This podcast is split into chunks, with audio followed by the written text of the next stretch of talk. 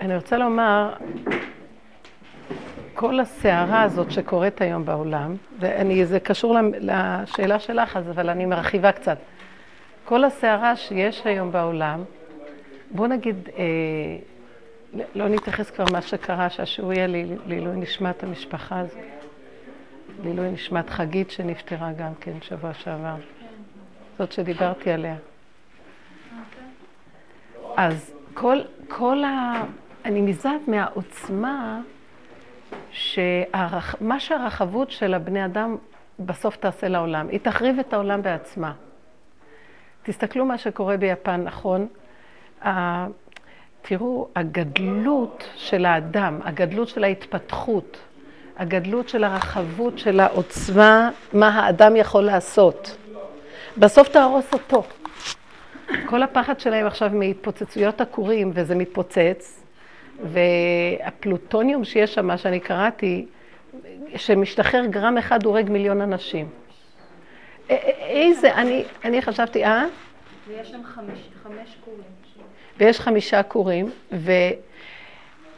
וזה לא שהרעידת אדמה עשתה את זה, הכורים עשו את זה שתהיה רעידת אדמה, שזה יתחיל את כל הבלגן. כי הגדלות של האדם לפלוש, לקחת כזאת סכנה, להשתמש בה בשביל הקיום. שימו לב. זה לא לחיות את הסכנה, מה שנקרא. מאוד מסוכן אה, לבנות מערכות כאלה. שאומנם הם השתמשו בזה לייצור חשמל, אבל חייבים לפעול ברמה כזאת. תראו איך אנחנו פועלים בעולם. גדול, הכל בגדול, בגדול. זו מדינה של ייצור ת, תעשייה מאוד מאוד גדול. הכל גדול, הגדלות שם. ויש ידיעה שיש שליטה, הם שולטים מאוד בנקודות. אבל תראו ברגע אחד מה שהקדוש ברוך הוא עושה. אני, אני לא ראיתי כלום, ראיתי רק מה שהגדלות עושה לבן אדם. אני זוכרת שאני הייתי, היה לי מוסד מאוד, מאוד גדול, יחסית, תראו, בשביל, היו 250 אה, תלמידות, אה, פנימייה, בית ספר, הרבה מורות, אה, שיעורים, פיתחנו עוד כל מיני חוגים וקורסים, וגם תיכון, גם, גם סמינר, גם מדרשייה. ואני, הגדלות שלי, כל פעם, למה לא, למה לא, למה לא, נעשה עוד. כל מי שהציע לי רעיון, למה לא, למה לא, למה לא. כשהגעתי לרב אושר, הוא כאילו הסתכל עליי. בשביל מה את צריכה את זה? אז בדיוק דיברו על לתת לי שטח לבנייה, אז באתי להגיד לו, אז הוא צחק עליי. כך הוא עשה לי. אה, הוא אמר לי, אישה בונה בניין? הוא צחק עליי. אני לא הבנתי אותו, אמרתי לו, רב אושר, אישה כבר עשרים שנה עושה מבנה, עושה מוסד, למה שלא יהיה מבנה? ואחרי שאני קלטתי, וכל פעם שבאתי אליו, הוא צחק עליי, עשה ככה, צחק, לא דיבר הרבה. וכל פעם ראיתי איך, איך שחלק, איך שנחרב לי, מתחיל איך, תודה רבה, פתוקה, איך שמתחיל להיחרב חלקים. פה לא הולך, כאן לא הולך, כאן לא הולך, ונהיה הפוך. אני באה לקבל ברכות ולהמשיך להתפתח, והוא נהיה הפוך. עד שהוא אמר לי, אה, אל תעשי, יותר טוב. הגדלות הזאת מחריבה בסוף. כדאי לך שאת תימנעי מה שזה יחריב אותך. ואז אמרתי, אז מה, לא נעשה, לא זה, זה מצוות, זה... כאילו, ברבות הזמן, מה אני רואה? וזה קשור לחיות. מה אני רואה? אני רואה שהוא הביא אותי למקום מדהים של מה? רק מישהי תגיד לי בשעה 11, אמרו כולם, אה, לכבוד גלעד שליט. גם בכוללים ביקשו שיקדישו חמש דקות ללימוד בשבילו, שיקדישו במחשבה, אנחנו נגיד פרק תהילים, בסדר? אז רק תזכירו לי ב-11. אז אני מתבוננת ורואה, מה היה חסר לי? אני הייתי באמת בגדלות מאוד גדולה, ואז יש יותר דאגה, ואז יש יותר אה, לחץ, ואז מתח, אז הכל, הכל, כל הגידול ילדים היה תמיד, הכל היה, כי יש המון מה לעשות, ואין זמן, ואין זמן, ואין זמן, וצריך, והמוח גדול, וצריך זה וזה וזה. והוא אמר לי, תורידי, תורידי, תורידי. אז אין את כל זה, מה נשאר? בן אדם נושם, השם מזכה לו מה שמתאים, השם נותן לו לחיות בדקות, הוא קשור בדקות עם שורש החיים שלו, הוא נהנה יותר מהחיים, הוא חי בקשר שהוא ממליך את הכוח של החיות ולא נותן, ולא הוא חושב שהוא זה שמנהל את העולם. הוא עובד בד בבד עם הכוח שמחיה את העולם. הוא לא עובד נגד, עם גניבה של גדלות עצמית. אתם מבינים? כל זה התחיל ליפול, ואז אז ממילא הכל הצטמצם, הצטמצם, הצטמצם בגוף.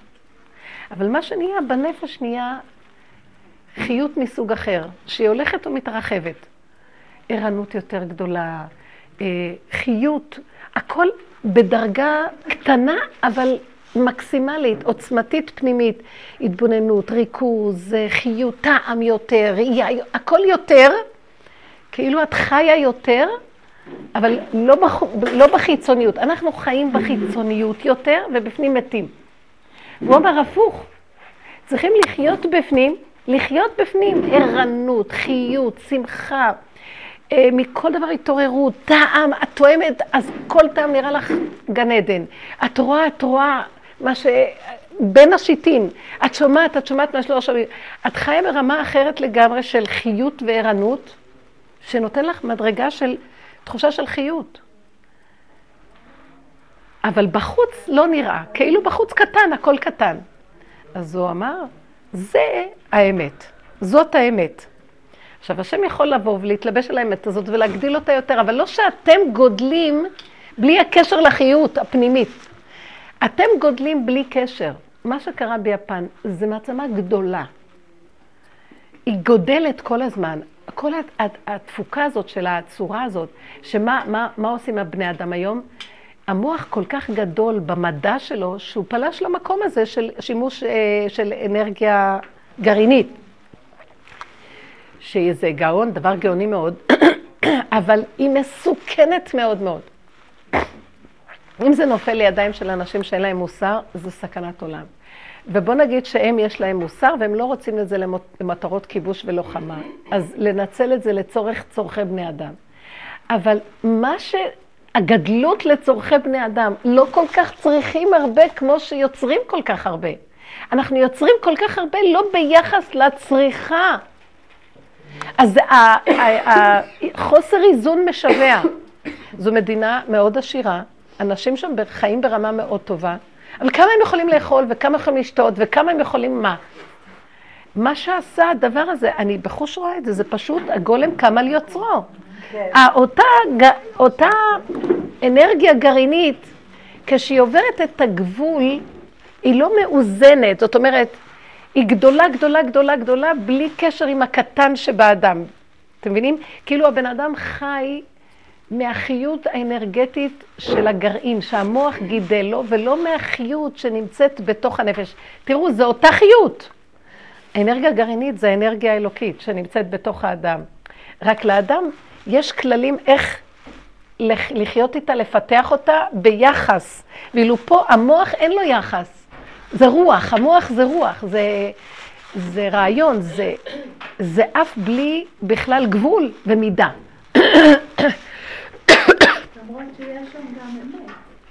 ברור, רגע, ברור לי שכל מה שקרה פה זה לא שהתחיל הרעידת אדמה, ואז, ואז הכורים מתפוצצים, כתוצאה מהחום הזה, לא יודעת מה, ההתכה הפנימית, אלא הג, הגרעיניות הלכה וגדלה, זאת אומרת, הצריכה והחריצות יתר, משוגעים. אתם יודעים, הם, הם מאוד uh, זריזים, אז הם ככה, היפנים נראים מאוד, הם קטנים והם רצים כל הזמן, והם מאוד מסודרים ויש להם שליטה ויש להם, והמוח עובד, כל הזמן המוח עובד, זה כמו מכונות. היפני, היפני מכונה משוכללת ביותר. אז באיזשהו מקום זה גדל מעבר לגבול ולמידה, ואז זה היה צריך ליצור, זה סיבת תוצאה, זה יצר מצב שהאדמה תתחיל לרעוד, ואז בדבר אשר זדו עליהם, כמו שכתוב במצרים. הם, הם, הם נגעו בנקודה, זה דבר מאוד מאוד קשה המהלך הזה. אז השם נתן לנו דוגמה, לי זה ברור, דוגמה מאוד מאוד גדולה, לראות מה הגדלות יכולה לעשות ברגע אחד. ברגע אחד, הכדור הארץ, הוא יראה לנו מה הגדלות עושה. כל הצונאמים הגדולים, כל השיטפונות הגדולים, זה, זה הכל בגדול. הגדול הזה מחריב את עצמו. וכל הדרך שאנחנו עובדים זה בדיוק הפוך מהעולם. זה שכל אחר לגמרי מהעולם. זה לא שכל שבא מהדעת. אנחנו אומרים, תסגרי את הדעת ותתחילי להקשיב למהלך של הסיבות. יש כוח של איזון בבריאה שיש בו דבר שמוליך אותך לאזן. תקשיבי לו. אם את רואה שמישהו מפריע לך, נניח, את מנקה עכשיו לפסח, טוב? פתאום בא מישהו, ואני זוכרת שניקיתי משהו, הכל היה... יום אחד עבדתי, עבדתי, עבדתי, בעלי הביא את הביצים, שם על השולחן, יחד עם מצרכי מזון, במקום איפה שנקי, כל הכיסאות היו שם, הכל. אז אני יצאתי לחדר אחר, עלה הילד הקטן, הוא היה אז בן שלוש, אני יודעת, שנתיים, שלוש. הוא ישב על השולחן, טיפס על הכיסא, ישב על השולחן, והלך עם הביצים והתחיל לזרוק. ביצה, ביצה, ואיך הוא נאנח, זה משפריץ, וואו, וואו. אני נכנסת אחרי איזה עשר, שתים עשרה ביצים, מזל, ואני לא, לא יכולה להאמין, מה, מה זה? לא יודעת מה לעשות קודם, או לשבור אותו. או לא, לא יכולתי מה? לרגע נעצרתי, אחרי זמן מה? הקדוש ברוך הוא... 11. אולי נגיד פרק תהילים, איזה פרק אתן רוצות? ממעמקים, בסדר. שיר למעלות. קל, שיר המעלות. ממעמקים קראתיך אדוני. אדוני שמעה קולי. תהיינה אוזניך קשובות לכל תחנוני. אם עוונות תשמור יא אדוני מי יעמוד, כי עמך סליחה למען תברא. קיוויתי אדוני קיוותה נפשי ולדברו אוכלתי. נפשי לאדוני משומרים לבוקר, שומרים לבוקר. יחל ישראל אל אדוני כי אם אדוני החסד והרבה עמו פדות, והוא יפדה את ישראל מכל עוונותיו. הוא יפדה את ישראל מכל עוונותיו. זה זה המקום, תראו, תראו, מה שקורה עם גלעד שליט. אנחנו עכשיו קצת ניתן כמה דקות בנקודה הזאת. כאילו, כלל ישראל מתאחדים פה, גם, גם בכוללים ביקשו, שיקדישו את הלימוד חמש דקות ל, ל, לעניין שלו, לשים במחשבה.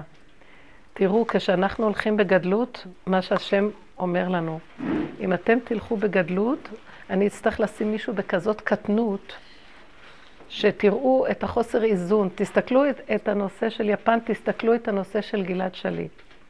איפה הוא יושב? מי יודע איפה יושב? באיזה בונקר, באיזה מקום שם מצומצם, סגור, חשוך. תסתכלו איפה אנחנו. איך אנחנו חיים במוח שלנו. תראו את הרחבות, איפה המוח משוטט בכל העולמות. אז הוא אומר לנו, אם אתם לא תחיו בצמצום כשאתם בתוך הרחבות, אני צריך לצמצם אתכם בתוך הצמצום. אתם, אני לא רוצה בגוף לצמצם, אני רוצה שאתם תצמצמו את עצמכם בנפש.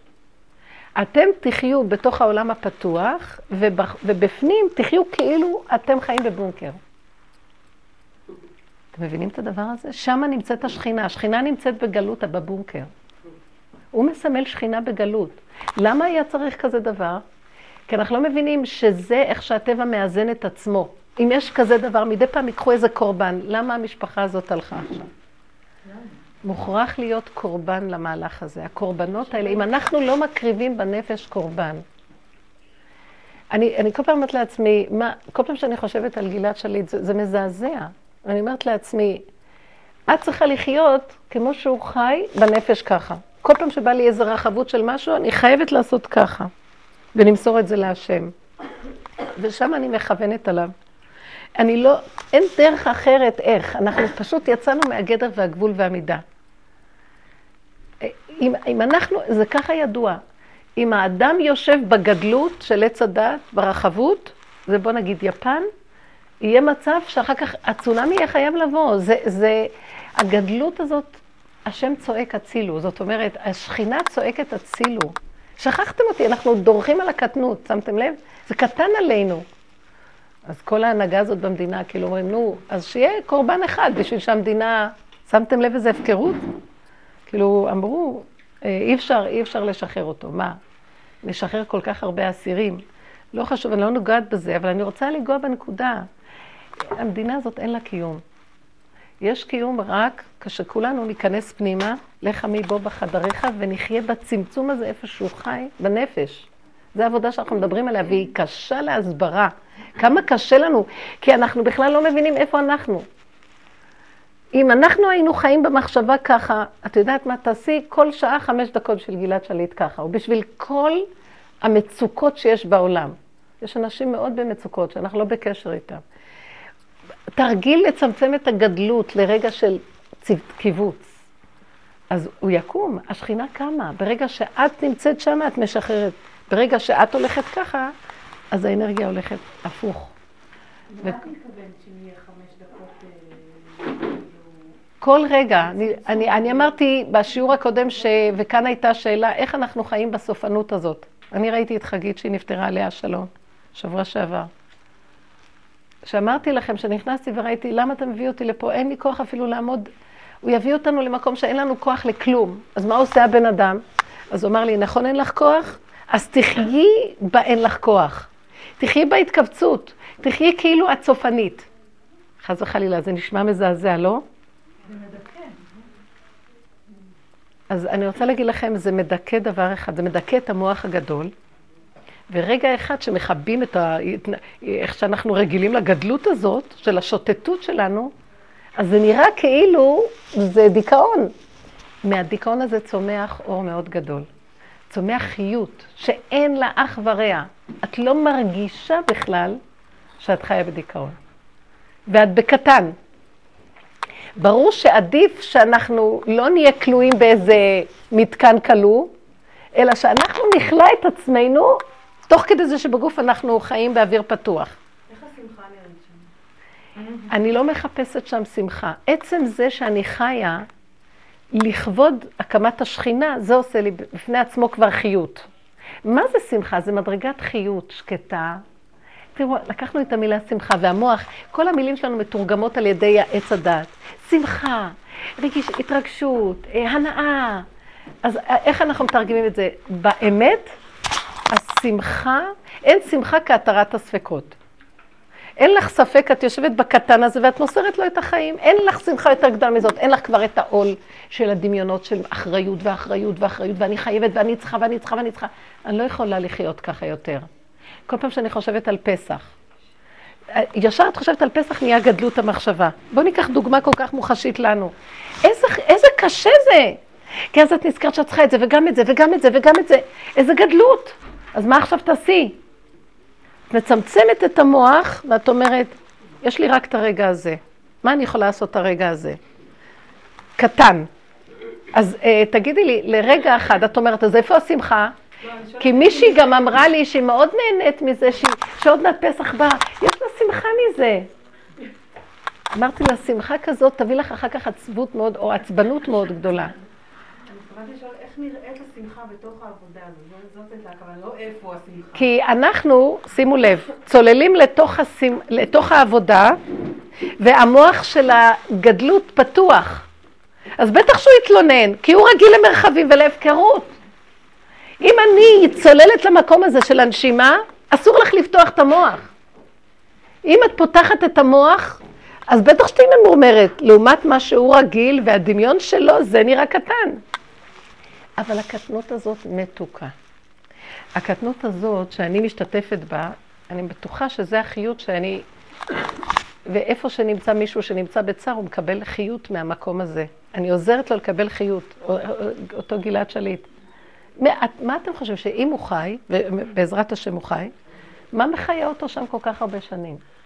חמש שנים ככה לעמוד. מחיה אותו השכינה. לא יכול להיות אחרת. אדם שחי במקום כזה, אנחנו בחוץ לא יכולים לסבול רגע אחד לחשוב על זה. איך הוא יכול לחיות ככה חמש שנים? זה השם נמצא איתו בשכינה. כשהוא מצומצם לנקודה הזאת, מה הוא יכול לעשות? אני בטוחה שהשכינה מתגלה אליו, מחזיקה אותו. זה צער להיות שם, אבל לא, הוא היה מת רק מהצער, אם לא היה משהו שמחיה אותו בפנים. אני לא, אני לא יכולה להבין את זה בשום צורה אחרת. לא נפגע נפשית גם? איך? נפשית. מה זה נפשית? אם אני קשורה בנפש, אני מאמינה שאם היינו עושים עבודה נכונה בנפש, הוא היה מקבל כוח להישרד שם ככה. ואני אני מאמינה שהשכינה נמצאת איתו, שזה לא יכול להיות אחרת. אנשים שנמצאים אה, 25 שנה בכלא, היונתן פולארד הזה, יהודי. תראו, זה יהודים, אנחנו, הלב שלנו צריך לצאת ליהודי. זה לא, לא נורמלי. יש יהודים בכל מיני מקומות שאנחנו לא יודעים אפילו שהם כלואים, ואנחנו... זה, זה הכל המצב הזה. זה הקדוש ברוך הוא איתם. נותן להם, אה, והרבה מהם אה, שאחר כך השתחררו, סיפרו שממש היה להם גילוי שכינה וגם חזרו בתשובה והתחזקו יותר. זה הצירוף, ש... אבל חבל שאחד צריך להיות שם, כי אנחנו מופקרים ולא רוצים לעשות עבודה. כל כך הרבה אנחנו מפקירים את עצמנו. איפה? מה זה מפקירים? מפקירים במוח הגדול הזה. מה זה להפקיר? ואת בנקודה הזאת של המתיקות, והמתיקות עם השם. אמן. את יכולה להרגיש כאילו את צער השכינה? שאני מרגישה שיש לי את ההתגלות הזאת של המתיקות, וכאילו שאני בעבודה שלי. אני אגיד לכם מה זה צער השכינה, רגע אחד. השכינה זה עוד עוז וחדווה במקומו. איפה שלבן אדם יש צער, ממה? אני רוצה להגיד לכם, בואו נבין, בוא נבין מה זה צער גלות השכינה. אין צער. הצער של השכינה זה היהודי שהוא לא נמצא במחשבה הנכונה וסובל. זה נקרא צער גלות השכינה. כי יש, מה זה שכינה? זה החיות ששוכן בתוך האדם. זה האור אלוקי ששוכן ומחיה את האדם. אם המוח שלי לא קשור איתה, אם החיות שלי לא קשורה איתה, אני במקום אחר. אני חיה ממקום אחר. מאיפה אני חיה? אכילת עץ הדת יצרה מצב של דמיון שנקרא וייתם כאלוקים. יש מקום, זה הכל אנרגיה אלוקית, אבל גנובה, ברחבות מאוד גדולה של דעת. זה מנתק אותנו מהקשר של החיות האנרגטית הפנימית. הניתוק הזה בין הדעת, בין וידעת לב והשבותה, שאין קשר ביניהם, זה ייחוד קודשא בריחו שכינתה, הזכר והנקבה לא מחוברים, יעקב ורחל בפירוד. אז זה נקרא צער גלות השכינה. מה זה צער הגלות? אתם מבינות מה אני מדברת? עכשיו, זה רגע אחד של חוסר חיבור. אני מתרחק לי, ואחרי פעם, עוד פעם, עוד פעם, עוד פעם, כל הדורות האחרונים ברחבות איומה. של השכלה, של עשייה, של כוחנות, של התפתחות, של מדע, שבכלל לא קשור למצב של הלמטה. כאילו אנחנו שודדים את הכוחות של הלמטה, בכוח משתמשים בהם, כי הכוחות של הלמטה, של השכינה, זה כל, ה... זה כל הטבע. זה, הטבע זה השכינה. לקחנו את יסודות הטבע והתגדלנו איתה מאוד מאוד. כל הצורה הזאת שאני התחלתי לדבר על כל האנרגיה הגרעינית שמתפוצצת ביפן, זה אנרגיה של שכינה שהשתמשו בה ב, ב, במעשיות טכנולוגית מאוד מאוד גדולה שיצאה מגדר וגבול, שהיא בעצם הגולם קם על יוצרו. אז אנחנו צריכים כל הזמן לאזן, לקחת את המוח הזה, להוריד אותו. עכשיו, צער גלות השכינה זה המצב החוסר איזון בין המקום הזה למקום של החיות הפשוטה של האדם. כי בואו נראה מה קורה, לח... מה קורה בחיות הפשוטה של הבן אדם. בדורות שלנו האדם נמחץ, אתם לא שמים לב איך אנחנו חיים. יש לנו מוח מאוד גדול, ולמוח הזה יש המון רצונות וצרכים ותוכניות. ושאיפות. ואז הוא מלחיץ את עצמו כי הוא צריך וצריך וצריך וצריך וצריך. תראו את האימהות הצעירות היום. הן מאוד לחוצות, מאוד מאוד, מה שאף פעם לא... בדורות קודמים לא הייתי רואה מצב כזה. למה? כי זה לא רק האימהות, כל המערכת גם כובלת אותן, המערכת של עצמן. הן רוצות, בוא ניקח את האימא, בוא נראה את המערכת המלווה אותה. מערכות החינוך דורשות ודורשות ודורשות ודורשות ודורשות. אז היא מחויבת להן. מה, היא בעצמה, גם היא, כמו שמערכות החינוך מקולקלות בדת ומתרחבות, גם היא מתרחבת, גם אנחנו פרי של אותה רחבות.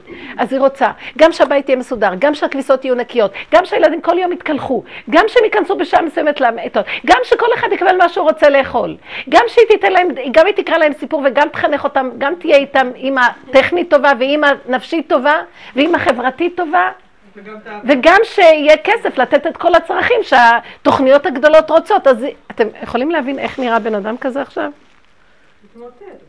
נו, ההתמוטטות חייבת לקרות. זה כל המחלות וכל הקריסות שיש לנו. קודם כל, דבר ראשון, האיתותים הראשונים זה העצבנות. המערכת של העצבים מאותתת. זה עצבנות, זה הצעקות, זה אלימות. זה כאילו, הבן אדם אומר, הצילו, אבל הוא לא יכול, הוא כבול במעגל שלא יכול לצאת ממנו. רב אושר היה קורא לזה, אנחנו נמצאים במדבר שממה. שימו לב איך הוא קרא לזה. במדבר הזה יש נחשים ועקרבים וחיות טורפות.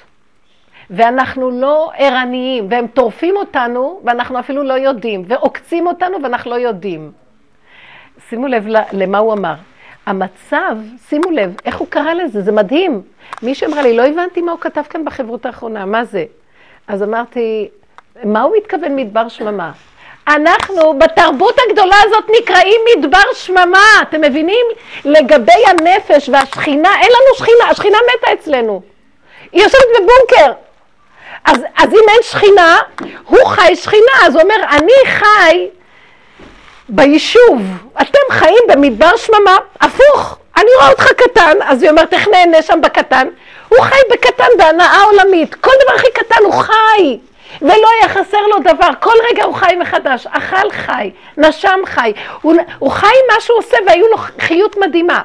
ונכנס מלמטה צמחה חיות ומלמעלה התווספה עוד חיות, כי יש כלי לקבל. לנו הוא קורא מדבר שממה. למה? אני לא רואה שאנחנו מדבר שממה. תיארתי לכם איך אימא נראית, זה מדבר שממה? התרבות לא נראית מדבר שממה, הפוך. כמה יש, כל, כל קטע קטן ממלאים אותו במכונות. מה תרבות שממה פה?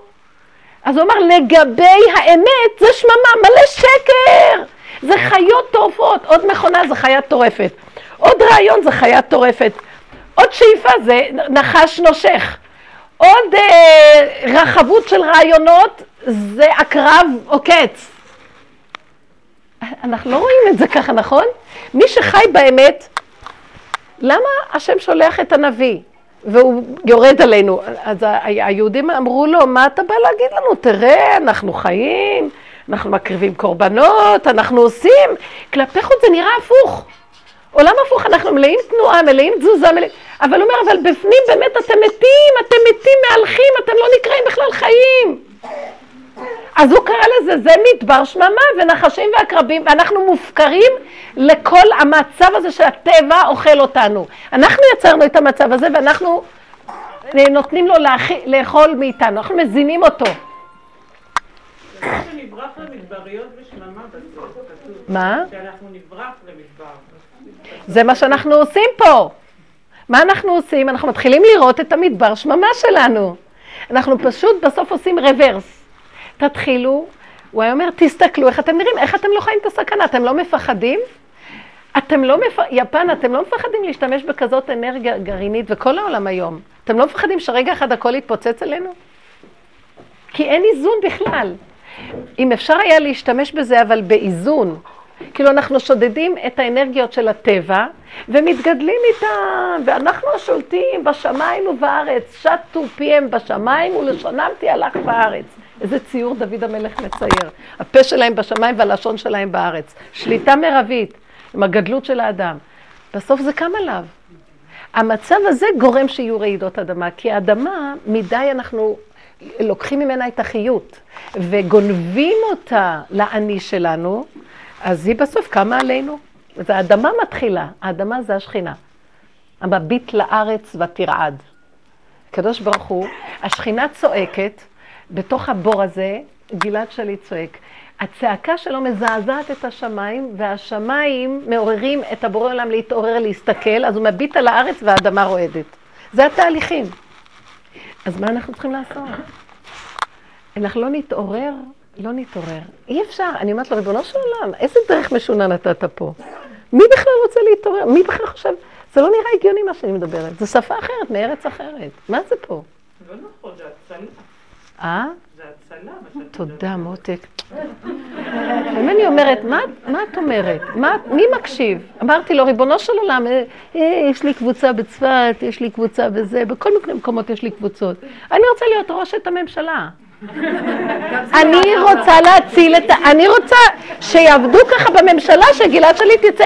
מה יוציא את גלעד שליט? שנלך בבונקרים? עם, מה, מה יציל את עם ישראל מכל הקטרוג הנוראי שיש היום בעולם עלינו? תדעו לך, אנחנו במצב מאוד של סכנה. מאוד מאוד מאוד. ערבים בתוכנו רוחשים ככה. תראו לכם יום אחד, ויש תוכנית כזאת, שמעתי שגילו שיש תוכנית שכל הערבים יצאו לרחובות לעשות הפגנות. עכשיו, בכל העולם. גם פה, בישראל, יעשו ערבים הפגנה נגד ישראל.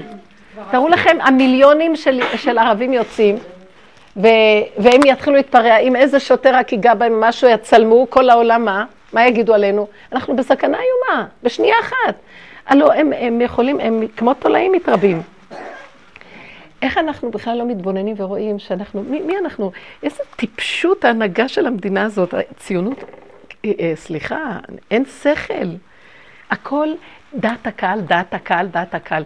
אה, זה בעבודה שלנו, כשאנחנו חוזרים אחורה, אני אומרת, ריבונו של עולם, אני סוגר את המחשבה, אני לא מתחשבת באף אחד רגע אחד שזה סותר את, ה, את הנפש שלי והנאמנות לנפש.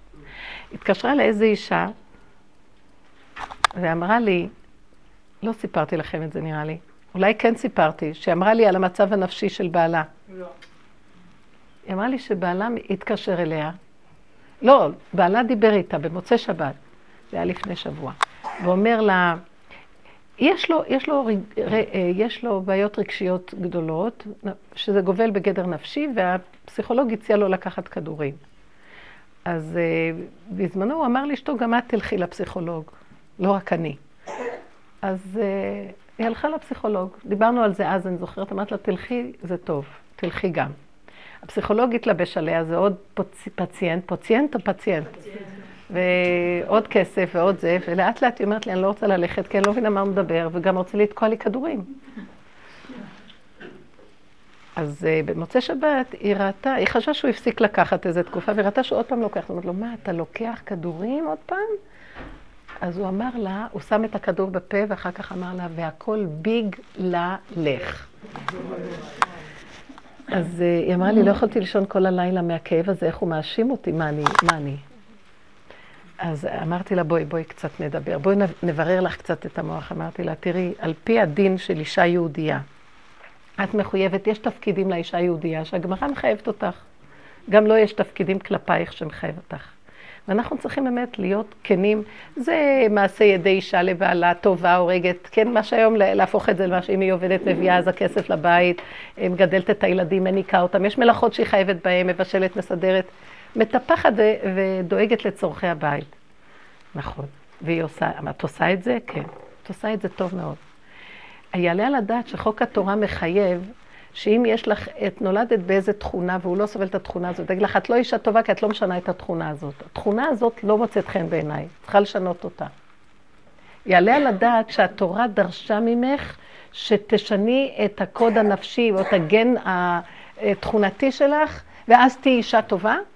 הייתי מציעה לך לא להוציא, אה, לא להרע על ידי התוואים שלך לשני, תאפקי אותם, אבל את לא יכולה לשנות, נכון? אז הוא דורש ממך אני במצב נפשי גרוע, אני לוקח כדורים, גם את צריכה לקחת כדורים, גם לך יש בעיות נפשיות, ככה הוא אומר לה. עכשיו הוא כועס עליה, למה היא לא לוקחת כדורים כמוהו? ובגלל זה הוא חייב לקחת כדורים לבד.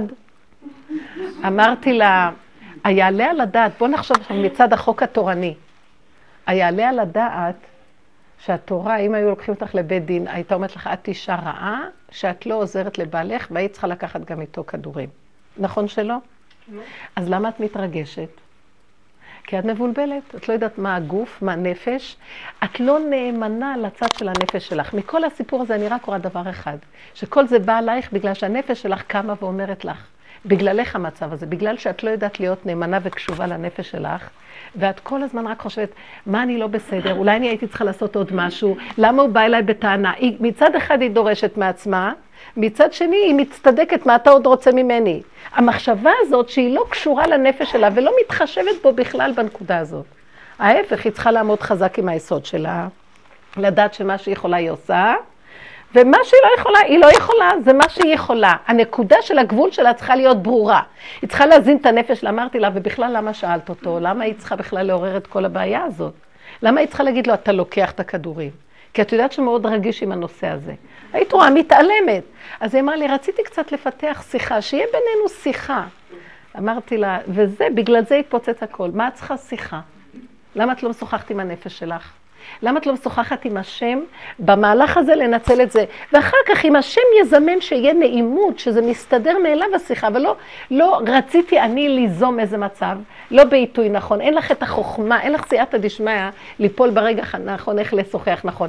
יש מצב שלא משוחחים, עכשיו שיחה. ויש מצב שכן זה זמן לשוחח שיחה יפה עם הבעל. אז את לא קשובה לנפש שתגיד לך ימינה, שמאלה, עכשיו, מחר, ככה. את לא קשובה, את לא נאמנה לנפש שלך, ועל זה מענישים אותך, על זה שאת לא נאמנה. עכשיו אמרתי לה, בגוף אנחנו נשואים לבעל, בנפש, הנפש נשואה לבורא עולם, לשכינה. הנפש לא. את לא יכולה להתחתן עם הנפש, עם הבעל. רק אם יש לו נפש, מבנה נפש דומה לשלך, בדיוק, בדיוק. טרן רעים דלה מתפרשים, שני רעים שאף פעם לא מפסיקים. אבל אנחנו ברוב המקרים יכולים, על פי דין תורה, מחוברים בגוף הדבר, בנפש הוא משהו אחר, את משהו אחר. והחוכמה היא איך לאזן את הדברים. לא לדרוש ממנו שיהיה לך חבר לנפש. אין לי חבר לנפש. תהיי את חברה לנפש שלך. תהיי את קשורה עם השכינה שלך, את לא צריכה שום חבר. ואז אם את קשורה לנפש שלך ושמחה, אז הוא עכשיו יבוא אלייך ויהיה שמח גם, כי טוב בקרבתך. את מקרינה חיות ושמחה שנובעת מתוכך. אז, אז עכשיו ייווצר קשר נחמד ביניכם. אז זה קרוב למשהו קצת נפשי. אבל לדרוש ברמה הזאת, את לא נאמנה לי לבעיה שלי, אבל גם את גורמת את הטענה שלו.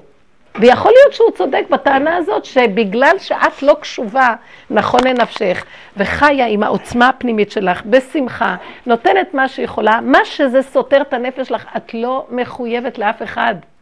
אז במקום הזה, אז הוא נעלב מזה. אז עכשיו אתם מבינים איזה ילדותיות? הוא נעלם, הוא מרגיש אותך, את לא סופרת אותו. את חיה עם עצמך, ואת שמחה והכול, הוא רק איתך, את מחייכת והולכת, מתפללת. לא, אבל הוא נעלם מזה שאת לא, זה כאילו זה יוצר איזה חוסר רגש, זה באמת לא יוצר חוסר רגש, אבל זה... לא, מה הוא נעלב? אני אגיד לכם למה. כי אני לא מדברת עכשיו על אף אחד, רק תתבוננו טוב בתמונה. הוא נעלב בגלל שהוא עצלן בטלן. בגלל שהוא לא רוצה לעבוד על הנקודות שלו, ונוח לו להטיל את הכל על השני, ושהשני יעשה לו, כי אשתו צריכה לעשות לו את, החי, את העבודה. אשתו על פי דין תורה צריכה לו, לעשות לו כמה תפקודים שהתורה מחייבת אותה. אבל היא לא מחייבת אותה לעשות לו... שימו לב, אדם יהודי אמיתי שחי בתוך עולם התורה באמת ולומד כמו שצריך ועסוק בזה, הוא לא יהיה רגע אחד פנוי לדרוש מאשתו קשר כזה. כי הוא, הוא בנה את הקשר נפש שלו עם התורה, הוא התחתן עם התורה ועזב את הכל. אז אשתו משמשת לו את העזרה בגוף, יש לו הכרת הטוב אליה, וזה החיבור. אבל עיקר הזיווג שלו זה עם התורה. יש לי כלה שכל הזמן בוכה לי, שאומרת לי, ובעלי התחתן עם התורה. חמודה. אמרתי לה, אשרייך וטוב לך. ואז אני מתחילה, אני מלמדת אותה להיכנס בדרך. אז היא אמרה, אם לא הדרך הזאת, הייתי יכולה למות.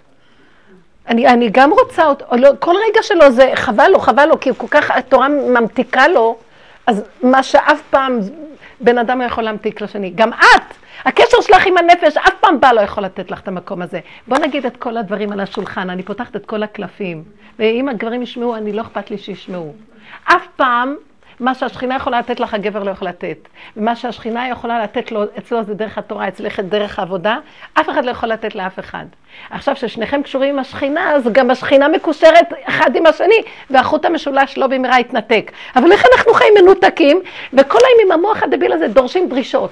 אתה לא נאמן יד כמלא, את לא, את לא בתקשורת, את לא בתקשורת, בוא נלך לתקשר, בוא נלך למישהו שייעץ לנו איך מתקשרים. אז הוא יגיד לנו, תעלו שלוש פעמים, תרדו חמש, תכתבו על המקרר עשרים פעם ביום, תגידו. כבר זה דבילי, לכו לעשות סוף שבוע ביחד, לכו, די כבר מכל העצות הדביליות האלה. אתה מבין שהכל שטחי? והכל זה רחבות דמיונית ובריחה מנקודת האמת. אמרתי לאותה אישה, תהיי נאמנה לנפש שלך, ובינך לבין בורך תגידי, אני את שלי עשיתי, אני, תהיי קשובה כמובן, על פי חוק התורה, את מחויבת, זה דבר ראשון, תפקוד כזה, כזה, כזה, כזה. גם לא יותר מדי, למה אנחנו יותר מדי מתמסרים? כי אין לנו נפש. אז כל האנרגיות הולכות על הגוף, בסוף צועקים על כולם, אתם שודדים אותי, הכל בגללכם, אין לי כבר כוח לעמוד על הרגליים, כמה אני אעבוד בשבילכם. מי ביקש את זה ממך? כי את לא נאמנה בכלל לנפש, את לא חיה מהנקודה שלך, רחבות של שיגעון. תרדי קצת אחורה למטה, תשימי לב לדברים. אני אמרתי לאותה אישה, שאמרתי שהעולם, שדיברתי איתכן, האישה הזאת, בוא ניקח את הילד שלה, החינוך, החינוך, החינוך משגע, כי יש דרישות נוראיות של רחבות. כל היום דרישות חדשות, משרד החינוך משגע, המנהלים משגעים, גם בתוך המוסדות החרדיים, הכל כבר הפך להיות שיגעון. כולם מאוימים שמה, שאני יהיה יותר גדול ממני, אני לא אראה לו, אני יותר גדולה ממנו. שמתם לב, זה איזה, אני רואה מלא עצים חמישים אמה שמחכה מי יתלה את השני שם על העץ שלך, ככה זה נראה. זה המאנים. אז אה, סליחה, באותו מק... במקום הזה, עכשיו גם, גם המערכת החיצונית דורשת ממך, גם את דורשת מעצמך שלמות של הבית, ומה שאמרתי, בנות לא היו כאן, אני חוזרת, אה, כביסות וניקיון וסדר, ולהשקיף את הילדים ולהכיל אותם ולהיות אימא טובה, וגם רוחנית, וגם נפשית, וגם פסיכולוגית, וגם הכל. תגידי, את, את תישארי חיה? שמתם לב איך המוח גונב אותנו ברחבות וזה נהיה הכל תפקודיות? כשהמוח כל הזמן מכה אותך במצפון, לא עשית את זה, לא עשית את זה, לא עשית את זה. תגידו, זה הפיצוץ של הכור האטומי, זה הרעידת אדמה. יהיה איזה שלב שהאדמה פשוט תתערער, כי אנחנו גונבים את החיות מהשכינה, גוד, לאן היא נגנבה? על האגו ועל הגדלות ועל הדמיון ועל החרדות שאני לא מספיק גדולה כמו הם, הם מוצלחים, אני לא, איזה משפחה הם, אנחנו לא. למה? מה אכפת לי מה הם, מה כלום? את עושה מה שאת צריכה. אין לנו קשר עם הנפש למטה, עם השכינה שלנו למטה. וזה מהלך לא פשוט להתחיל להצטמצם ולחזור למטה. אז כשמאותתים לך איזה מצב של סתירה, זה הנשמה אומרת לך, הנפש אומרת לך, תעצרי. תעצרי. אז אני אמרתי, למה סיפרתי על הביצים? מה ראיתי? פתאום נעצרתי וראיתי, כל היום את עבדת כמו שד, ולא היה שם השם. זאת אומרת, החרדה איך לגמור כבר, אז השם הראה לך. את לא עבדת איתי. אז האיזון קרה, הילד בא ולכלך לי, הוא עשה לכלוך כזה שאני לא יודעת איך יכולתי אחר כך לנקות אותו בכלל. שהביצים נקרשו, זה נקרש מהר, וזה מאוד קשה להוציא אותם. על הכיסאות, על הספות, על הזה, זה לא פשוט. ואז הוא אמר לי, הנה, עכשיו תעבדי. את רואה? זה איזון, הטבע מאזן את עצמו. אז כל פעם שקורה איזה דבר, תעצרי, תחשבי למה זה קורה. השם אומר לי, תעצרי. אנחנו לא רוצים להיעצר. תעצרי, תירגעי כאילו. תירגעי. תחזרי לחפש אותי, את לא חיה איתי. אל תרוצי. את לא חיה איתי, את חיה עם הדמיונות שלך ועם הכוחנות ועם התוכניות של המרחבים ועם השליטה, ואחר כך את יושבת בסיפוק על כיסא נוח. את מופקרת למוח.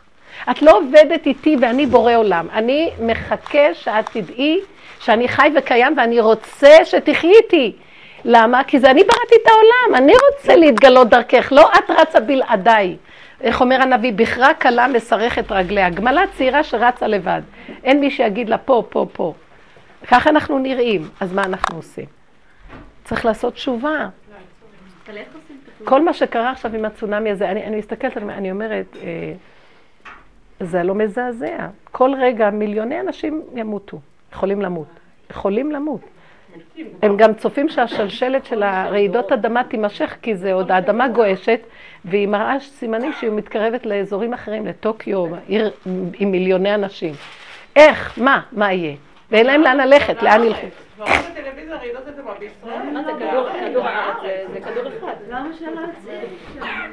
אז אני אומרת, אין לי איך, אין לנו, מה נעשה? אני מסתכלת עכשיו איך היפנים נראים, ואני אומרת, לאן הם ילכו? הם מפחדים מהקרינה, כל רגע משתחררת קרינה איומה. לאן הם יברחו? לא, תחשבו רגע, לאן יברחו? אין לנו, אנא מפניך אברח. אז אני אומרת רק מקום אחד. יותר טוב לי לברוח למקום הזה, לסגור את המחשבה, להיכנס פנימה, למסור את החיים שלי, וזה מה שאני אמרתי בשיעור הקודם, סופני. תחי בקו הקטן שאת בידיים של השם יתברך. ושם תעשי את החיים, שם תחיי. אז איך יראה חיים? פעולות קטנות, לאט לאט. לא יכולה. כל מילה שנייה שלי, אם לא ראשונה, אני כל דבר אומרת לו, אני לא יכולה. תחילה, אני רוצה לקום בבוקר, אני אומרת לו, אני לא יכולה לקום, רק אתה יכול להקים אותי. אני חייבת להזכיר לי שהוא חי וקיים ומקיים אותי. אם לא, אני אקום, אני אטוס. מי יעמוד לידי שאני אקום? אני לא רוצה לחיות ככה, כי אני בסכנה. אני רוצה לחיות שאני, כל רגע, אני רוצה לחיות בלא שלי, כדי שהוא יהיה הכן שלי. אני לא צריכה, בטבע, בדמיון של הדת, אני לא צריכה אותו, אני בכן שלי כל הזמן, וכמה שיותר אפילו בכן הגדול. אני כן יכולה, אני כן רוצה, אני כן עושה, ואם רגע משהו לא מסתדר לי, אני בייאוש למה אני לא. אני לא. זה נקרא להיות סוף אני, אני לא, אתה כן. אם אני לא, הוא יהיה כן. אם אני כן, אז גלעד שליט יהיה שם. אתם לא מבינים שזה איזון, את רואה את האיזון בבריאה. לוקחים מדי פעם, אנחנו כעם ישראל, השם מרחם עלינו, שתדעו. הוא לוקח קורבנות. לנו יש את סוד הקורבנות, אדם כי יקריב מכם קורבן, פרשת ויקרא. הקורבן צריך להיות, השם לא רוצה גם קורבנות. למה? היינו הולכים לבית המקדש, שהיה קיים, ובעזרת השם יהיה קיים. ורואים, אה, מקריבים קורבנות, אדם היה בא מקריב. היו מראים לו, אתה לא רוצה להיות הקורבן, נכון? אתה, אתה תקריב את הנפש הבעמית שלך להשם. כל רגע ורגע יש מקום לתת קורבן. אני עכשיו בהפקרות עם המוח. עכשיו, ברגע שאני נעצר ואומר, אני לא אלך בגדול הזה, אני, אני אלך ככה, אני אתרגש, אני אכעס על השני, זה הגדלות שלי כועסת. מה את כועסת? יש השם בעולם, תני לו את המהלך ותגידי, הכנעה, קטנות, קבלה, השלמה. תתקשרי איתו, תגידי לו, אבא, אני לא עומדת בזה, הוא רוצה להעליב אותי, שיעליב, מה אני יכולה לעשות? אני לא, עכשיו, אני לא במסכנות, כי מסרתי לו את החיים. כי כשאני לא עם השם, אז אני במסכנות, או בגדלות או במסכנות. מי רוצה להיות במסכנות? כולם רוצים להיות בגדלות. כי אין השם. אבל אם אני עם השם, מה זה עם השם? מה זה עם השם? את במחשבה ובדיבור מוסרת לו. תשחקי אותה שיש עוד אחד לידך. תעשי משחק כזה, תדמייני. אני תקופה עשיתי דמיון שאני הולכת ואני, יש לידי מישהו. ממש אני, היה איזה שלב בדמיון שהרגשתי שיש לידי מישהו. שזה השם? כן. השם צילך על יד ימיניך. אבל זאת אמת, זה לא אפילו לא דמיון. לא, זה אמת, אבל, אבל בדמיון שלנו היא לא נתפסת, כי אנחנו חיים בעוד בהפקרות. אנחנו לא יכולים להיכנס לרמה הדקה של האמת הזאת. אנחנו כל כך בגדלות של ההפקרות החיצונית. מי יכול עכשיו להבין מה שאנחנו מדברים, שמה שקורה בטוקיו, זה מה שקורה שם ביפן, זה האדמה עושה, אני ככה אקום עליכם. וכשהיא תקום, כל הגדלות של המוח והחשיבות העצמית ברגע אחד, כל יפן לא יודעת מה לעשות, והם כל כך מאומנים לדעת מה לעשות. לא יכולים לעשות כלום, יש בלבול מאוד גדול, הם מאופקים, אבל זה יצא באיזשהו שלב, כי אין להם עצה ותושייה נגד המצב. אז בואו, הנה, גד, מה, מה גדלות האדם רגע אחד מול איתני השכינה והטבע של השם. אז מה אנחנו, ובארץ ישראל הוא מרחם עלינו, כי אנחנו היהודים כל הדורות הקרבנו קורבנות. מה הוא, מה הוא מראה לנו? המשפחה הזאת שהלכה, מעניין שזה, הוא אומר לנו, הנה, הם, הם שמה ככה, זה הקורבן שלהם, ואצלכם זה, המשפחה הזאת זה קורבן. זה מעניין, כנראה שיש גזירה מאוד גדולה עכשיו. יש גזירה על, על כולנו. והקורבנות האלה שלוקחים, זה למה? בגלל שאנחנו עצלנים, לא, גם הם לא היו צריכים ללכת. גם שם לא היה צריך לקרות מה שקורה ביפן. למה? רחמיו על כל מעשיו. גם, שם, גם זה יציר כפיו של השם, כל המיליונים האלה. מה, זה לא בני אדם? אבל אנחנו לא רוצים לעשות עבודה. יש משהו כזה, אנחנו מופקרים, מה נעשה, מה נעשה? אתם יודעים מה נעשה? נכרות ברית לשכינה, ונגיד, ריבונו שלם, אנחנו לא רוצים יותר לחיות איך שאנחנו. זאת אומרת, אני לא רוצה לחיות עם כעס, עם רוגז, עם עצבים, עם שנאה, עם קנאה, עם קטטות. כל המידות הרעות, אני לא רוצה. הם קיימים בתוכי כי התרגלתי, אבל אני חי לאפק אותם ולמסור את זה להשם. לאפק ולמסור. זה יוצר מצב שאת לא יכולה לפעול בגדלות כמו שהיית קודם, כי בגדלות את שוחטת כמה מימין, שלוש משמאל, ורצה לעשות את הפרויקטים הגדולים. כשאת חיה בקטנות, את מפחדת, מפחדת, שאת תכעסי על זה, שאת, תס, פסח מגיע. ממה אני מפחדת? אני מפחדת מהעצבנות שלי שרוצה לנקות את הכל. אני, אני אוציא כוח של אה, שד ואני אנקה לפסח. אני מתה מפחד רק מזה. אני, אני לא יכולה... אי אפשר לנקות עם כוח לא של השד? איך? איך מנקים לא עם השד? לא עם השד, עם השם, זה נורא דומה, נכון? אז את צריכה לדבר, לפתוח את הפה ולהכיר, להכיר. אם את רוצה להיות עם השם, את צריכה להכיר שיש השד. כי את לא יכולה להכיר את השם בלי השד. כי זה האדם, הוא לא יכול דבר והיפוכו. אז את צריכה לדעת שיש לך כוח בפנים שרוצה ללכת בכוחנות, בגדלות, בהשתוללות, וככה אנחנו שולטים על המצב. אין לנו דרך אחרת, מרוב, מרוב אנחנו מאוד חלשים ולא מוכנים להכיר שאנחנו לא יכולים. אז אנחנו נעצר ולהגיד לבורא עולם, אני לא יכולה ככה. חוץ מזה שאני לא, לא מצווה את כל זה על פי הדין, אבל יש לי איזה משהו בגן שרוצה להתחדש ולנקות את הבית במילא. אז רבונו שלם, תרחם עליי ותעזור לי, תשלח לי עזרה, תעזור לי. תן לי ללכת איתך ברכות. אז יש מקום שהוא נותן לך, זה כמו הגולם, הגולם רץ ועושה דברים. אבל את יכולה, זה יהיה לך הסימן והאות שאת עובדת עם השם ולא עם השד. גולם לא מתרגש. ראיתם גולם שהתרגש? הוא לא מתרגש. הוא עובד. ואם עוצרים אותו, אז הוא נעצר. ואם לוחצים על הכפתור, ממשיך. הוא לא מרוגש, הוא לא במצב של... עכשיו, איך את יודעת? ניקית, בא מישהו, דרך לך, נהיה עכשיו שלולית. בוא נראה אותך, לא אכפת לך. אז זה אחד הסימנים. Uh, את אומרת פתאום, uh, די, עבדתי היום מספיק, אבל הכל עוד בלאגן, אני אעשה עוד קצת ואני אגמור כבר. לא, תשאיר את זה ככה, מחר עוד פעם. תגידי, במילא מחר עוד פעם זה יתלכלך וזה. בסוף עוברים שטיפה אחת על הכל. כל יום את שוטפת חמש פעמים, ובסוף, את שם לב, השיגעון שיש לנו, היום הלכתי לישון נקי, הבית מוכן כבר לפסח. מחר הכל עוד פעם מחדש. ככה שבועיים לפני פסח הבית נראה, לפחות שבועיים. אולי נעצור רגע ונגיד שזה שיגעון. זה שיעבוד, זה עבודה זרה. תעצרי ותגידי, ריבונו שלם, זה הכל... בואי תעצרי, אימא צעירה. המערכות, אין לך יכולת לשלוט בהן, איך מערכות החינוך נראות. אז תגידי, אבל אני לא רוצה להילחץ מהן. שהבן יביא פתק, אני לא. שהילדה תביא זה, אני לא. אני לא. אה, בבית לא מסתדר לך אה, להשכיב אותם כמו שאת רוצה. אז תרפי, שלא ילכו לישון. לכי את לישון. תתחילי להתרכז בעצמך ולהפסיק את הרצון לשליטה מרחבית גדולה. לא יתקלחו, השאירו את המגבות על הרצפה. בואי נראה אותך, תעשי תרגיל שהמגבות תישארו על הרצפה. בואי נראה אותך עוברת ולא מרימה מה שנפל. בואו נראה, תעשו תרגילים להרפות. אתן יכולות? איזה דבר קשה זה. אבל תואמים מזה, אבל הבעל, ראית אותו גם תתעלמי, כמו שהיה איזה מגבת. מה את אומרת אבל הבעל? אני אומרת לך שהכל הם עצים ואבנים. את שמה לב? היא אומרת אבל הבעל. אבל הילד. אבל השכנה. מה? אז שיעיר. שימי לב, גם ההערה תעשי אותה כמגבת. תעשי את הכל מגבת נפולה על הרצפה. אתם מבינות מה אני מדברת? באיזה רמה של דקות אני מדברת? כל ה... את לא תגידי לו, לא צריך לדבר. שיגיד, הוא צודק, תגידי לו נכון. נכון. אז הוא יראה אותך, הלכת לישון, נשארת את הכל ככה, מה יש לך, את לא מרגישה טוב? לא, אני עייפה. מה הוא יכול להגיד לך? תעשי את זה ברכות. שיתרגז, הוא יראה את ה... לא, יתרגל, הוא יתרגל. הוא הרבה, הרבה פעמים הגברים אומרים לאישה, למה את ככה? תעזבי, לא נורא, נכון? כן. הם בעצמם, אחר כך שאם את תעזבי, אז הם יכעסו עלייך. אבל את הרגלת אותם, הם מצידם לא אכפת להם, את הרגלת אותו ככה. יכולים גם לעשות. זה מהאימא, מהאימא. שיעשה, אם ממש מפריע לו, אז הוא לפעמים עושה. אומרת לו, אתה עושה לעצמך טוב, אתה עושה לבית טוב, טוב לכולם. לי זה לא מפריע. אני רוצה לשאול משהו על השלב הזה. אני כבר בשלב שאני יודעת שהתגובות לא טובות, אז אני שותקת. כאילו להגיב עליהם בכעס ודברים כאלה על הילדים, זה לא. אז עכשיו אני בשלב של העצירה.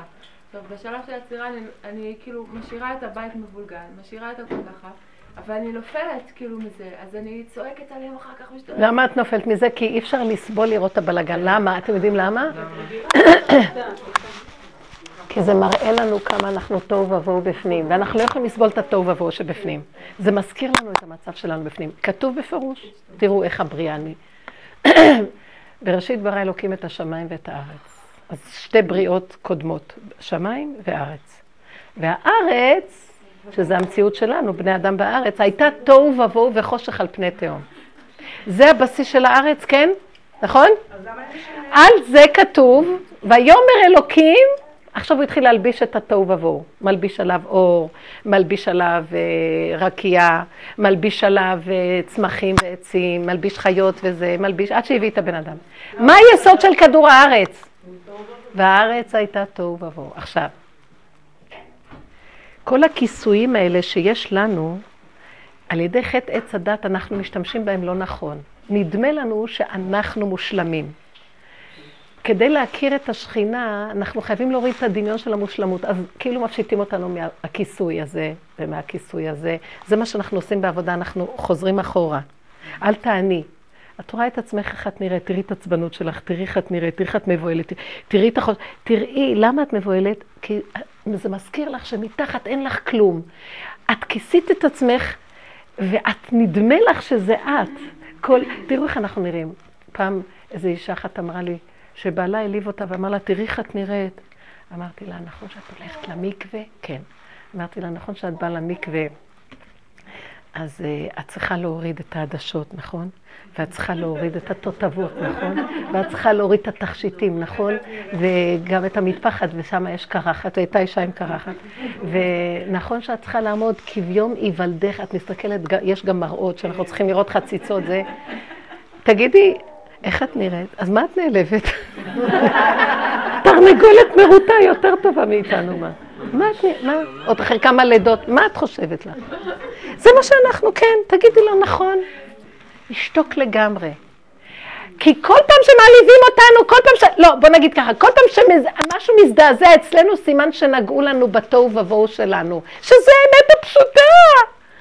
תראי מה עשינו, הלבשנו את עצמנו, כיסוי על כיסוי על כיסוי, שאנחנו אפילו לא זוכרים שאנחנו בכלל, ואנחנו חושבים שזה מה שאנחנו. אתם יודעים, אישה אחת הלכה, סיפרה לי דבר מזעזע. היא אומרת שהיא... אתם יודעים, אישה אחת הלכה, סיפרה לי דבר מזעזע. היא אומרת שהיא שכחה ללבוש את הפאה שלה, ויצאה החוצה בלי הפאה. היא חשבה שהיא לבשה ויצאה. יש לה שיער ככה, אתם יודעים איך זה אחרי שנים של פאה, ואין שם שיער כמעט, והכל לבן. ותחשבו רגע, היא יצאה מהרחוב לרגע, עוד כאילו, ואיך היא שמה לב? היא עברה על, יד הבית, על מכונית, אז היא הסתכלה לראות איך היא נראית. פתאום היא ראתה איך היא נראית. איזה ניסיונות. זה נעים? זה ממש לא נעים. ואיזה שולי אמרה לי גם כן שאחותה נתפסה לה החצאית למעלה, והיא הלכה ככה וחושבת ש... לא, רגע, בנות, זה מזעזע, לא? תראו, הבן אדם, רק נ... פורים, פורים, פורים, הבן אדם זה פורים, מלא תחפושות, כיסויים, שיוריד את הכל ויראה מי הוא. עכשיו, כל מי שיגיד לי מה שיגיד לי, הוא צודק. מה אני מתרגזת? אנחנו לא, אנחנו לא קשורים ליסוד שלנו. מי שקשור ליסוד שלו ורואה את מציאותו, כל רגע הוא יכול לגנוב, לרצוח. מראים לו את כל התוכנית שלו, תוהו ובוהו. אז uh, ברוך השם שזה לא יוצא. אז אני לא רוצה שיוציאו לי את הבגדים ושישכיחו לי את הפאה ושישכיחו לי את הכובע או כל דבר אחר. אני רוצה לשכוח בהתנדבות. אז לא ייגעו בי. לא ייגעו בי, אני נותנת קורבן עכשיו, אני אומרת לו, ריבונו שלמה, הייתי עכשיו הולכת עם כל הדמיון שלי ומתרחבת, וזה די כיף, מין סיפוק כזה של ריגוש. אני מוותרת, אני נותנת לך קורבן את הסיפוק הזה, ואני בנפש יודעת מי אני באמת. תרנגולת מרוטה, שבכלל שחוטה גם, ואם יש לה עוד איזה חיות, זה רק ממך לרגע אחד, אז איך היא עוד נעלבת שמישהו אמר לה את גולם? נכון, נכון, אתה צודק, אגב, זה הדמיונות. אם אני הולכת ככה, לא ייגעו בי ועוד יבואו וייתנו לי מחמאה. וכשייתנו לי מחמאה, אני אגיד, הם לא יודעים מי אני באמת תרנגולת שחוטה. ככה היינו צריכים לחיות. אני מנסה להמחיש איך היינו צריכים לחיות. אם היינו חיים ככה, החיים היו נראים אחרת. את היית כועסת מהילדים? הבעל היה אומר לך מילה, היית שותקת. אז צריך לאמן את עצמנו למקום הזה. היום מישהו נוגע בך, את קופצת למעלה, למטה, לאורך, לרוחב, איך הוא בכלל העז להגיד לי, מה? אני כזאת, ככה הוא אמר לי, איזה, איזה, כמה עשיתי, כמה, את כל היום חושבת שאת ואת ואת ואת ואת ואת. תדעו לכם, הרחבות שלנו תיצור מצב של רעידת אדמה גדולה. משהו ירעיד אותנו ויפרק את הכל. אני, אני, זה קורה? באופן פרטי אנחנו רואים, השם מרעיד את הבני אדם, מחלות, בעיות, עניינים. אבל אני בעלי בונה אותי לפעמים. מה? בונה. לפעמים בונה אותי במילה, אני... אם את שומעת, אם את, אם את משתמשת במה שהוא אומר לך לעבודה, הוא בונה אותך. כן. הוא לא בונה אותך, הוא היה סיבה לבנייה. אף אחד לא בונה אף אחד, רק השם בונה. אם השם לא יבנה בית שב עמלו בוניו בו, השם בונה. אבל הוא היה המקל של השם, הלבנה שהוא שלח לך. אבל את השתמשת בזה, נכון? עכשיו בעלך היה סיפור טוב. בשביל זה הנישואים? בשביל מה יצרו מצב של נישואים? וזו מצווה להתחתן. מה אתם חושבים? בשביל מה שאנחנו, המוח הדבילי שלנו מתרגם חתונה, זה מדי פעם לנסוע למלון, וזה להיות באהבה ותקשורת, וחיים ורודים. תשתקי כבר, את מפריעה לי. מפריעה לי מהצד הזה כל הזמן. זה לא גם. זה רק השם נותן את זה, זה לא גם, בתוספת של החיים גם יש את זה, לא. זה לפרק את הכל, להישאר בתשתיות והשם מחבר. וזה חיי הנישואים, איך הוא מחבר? את משתמשת נכון בכל המהלכים, השם עכשיו ייקח את כל האבנים, יחבר אותם ויהיה אחדות. ויהיה בניין, כי השם בונה פה.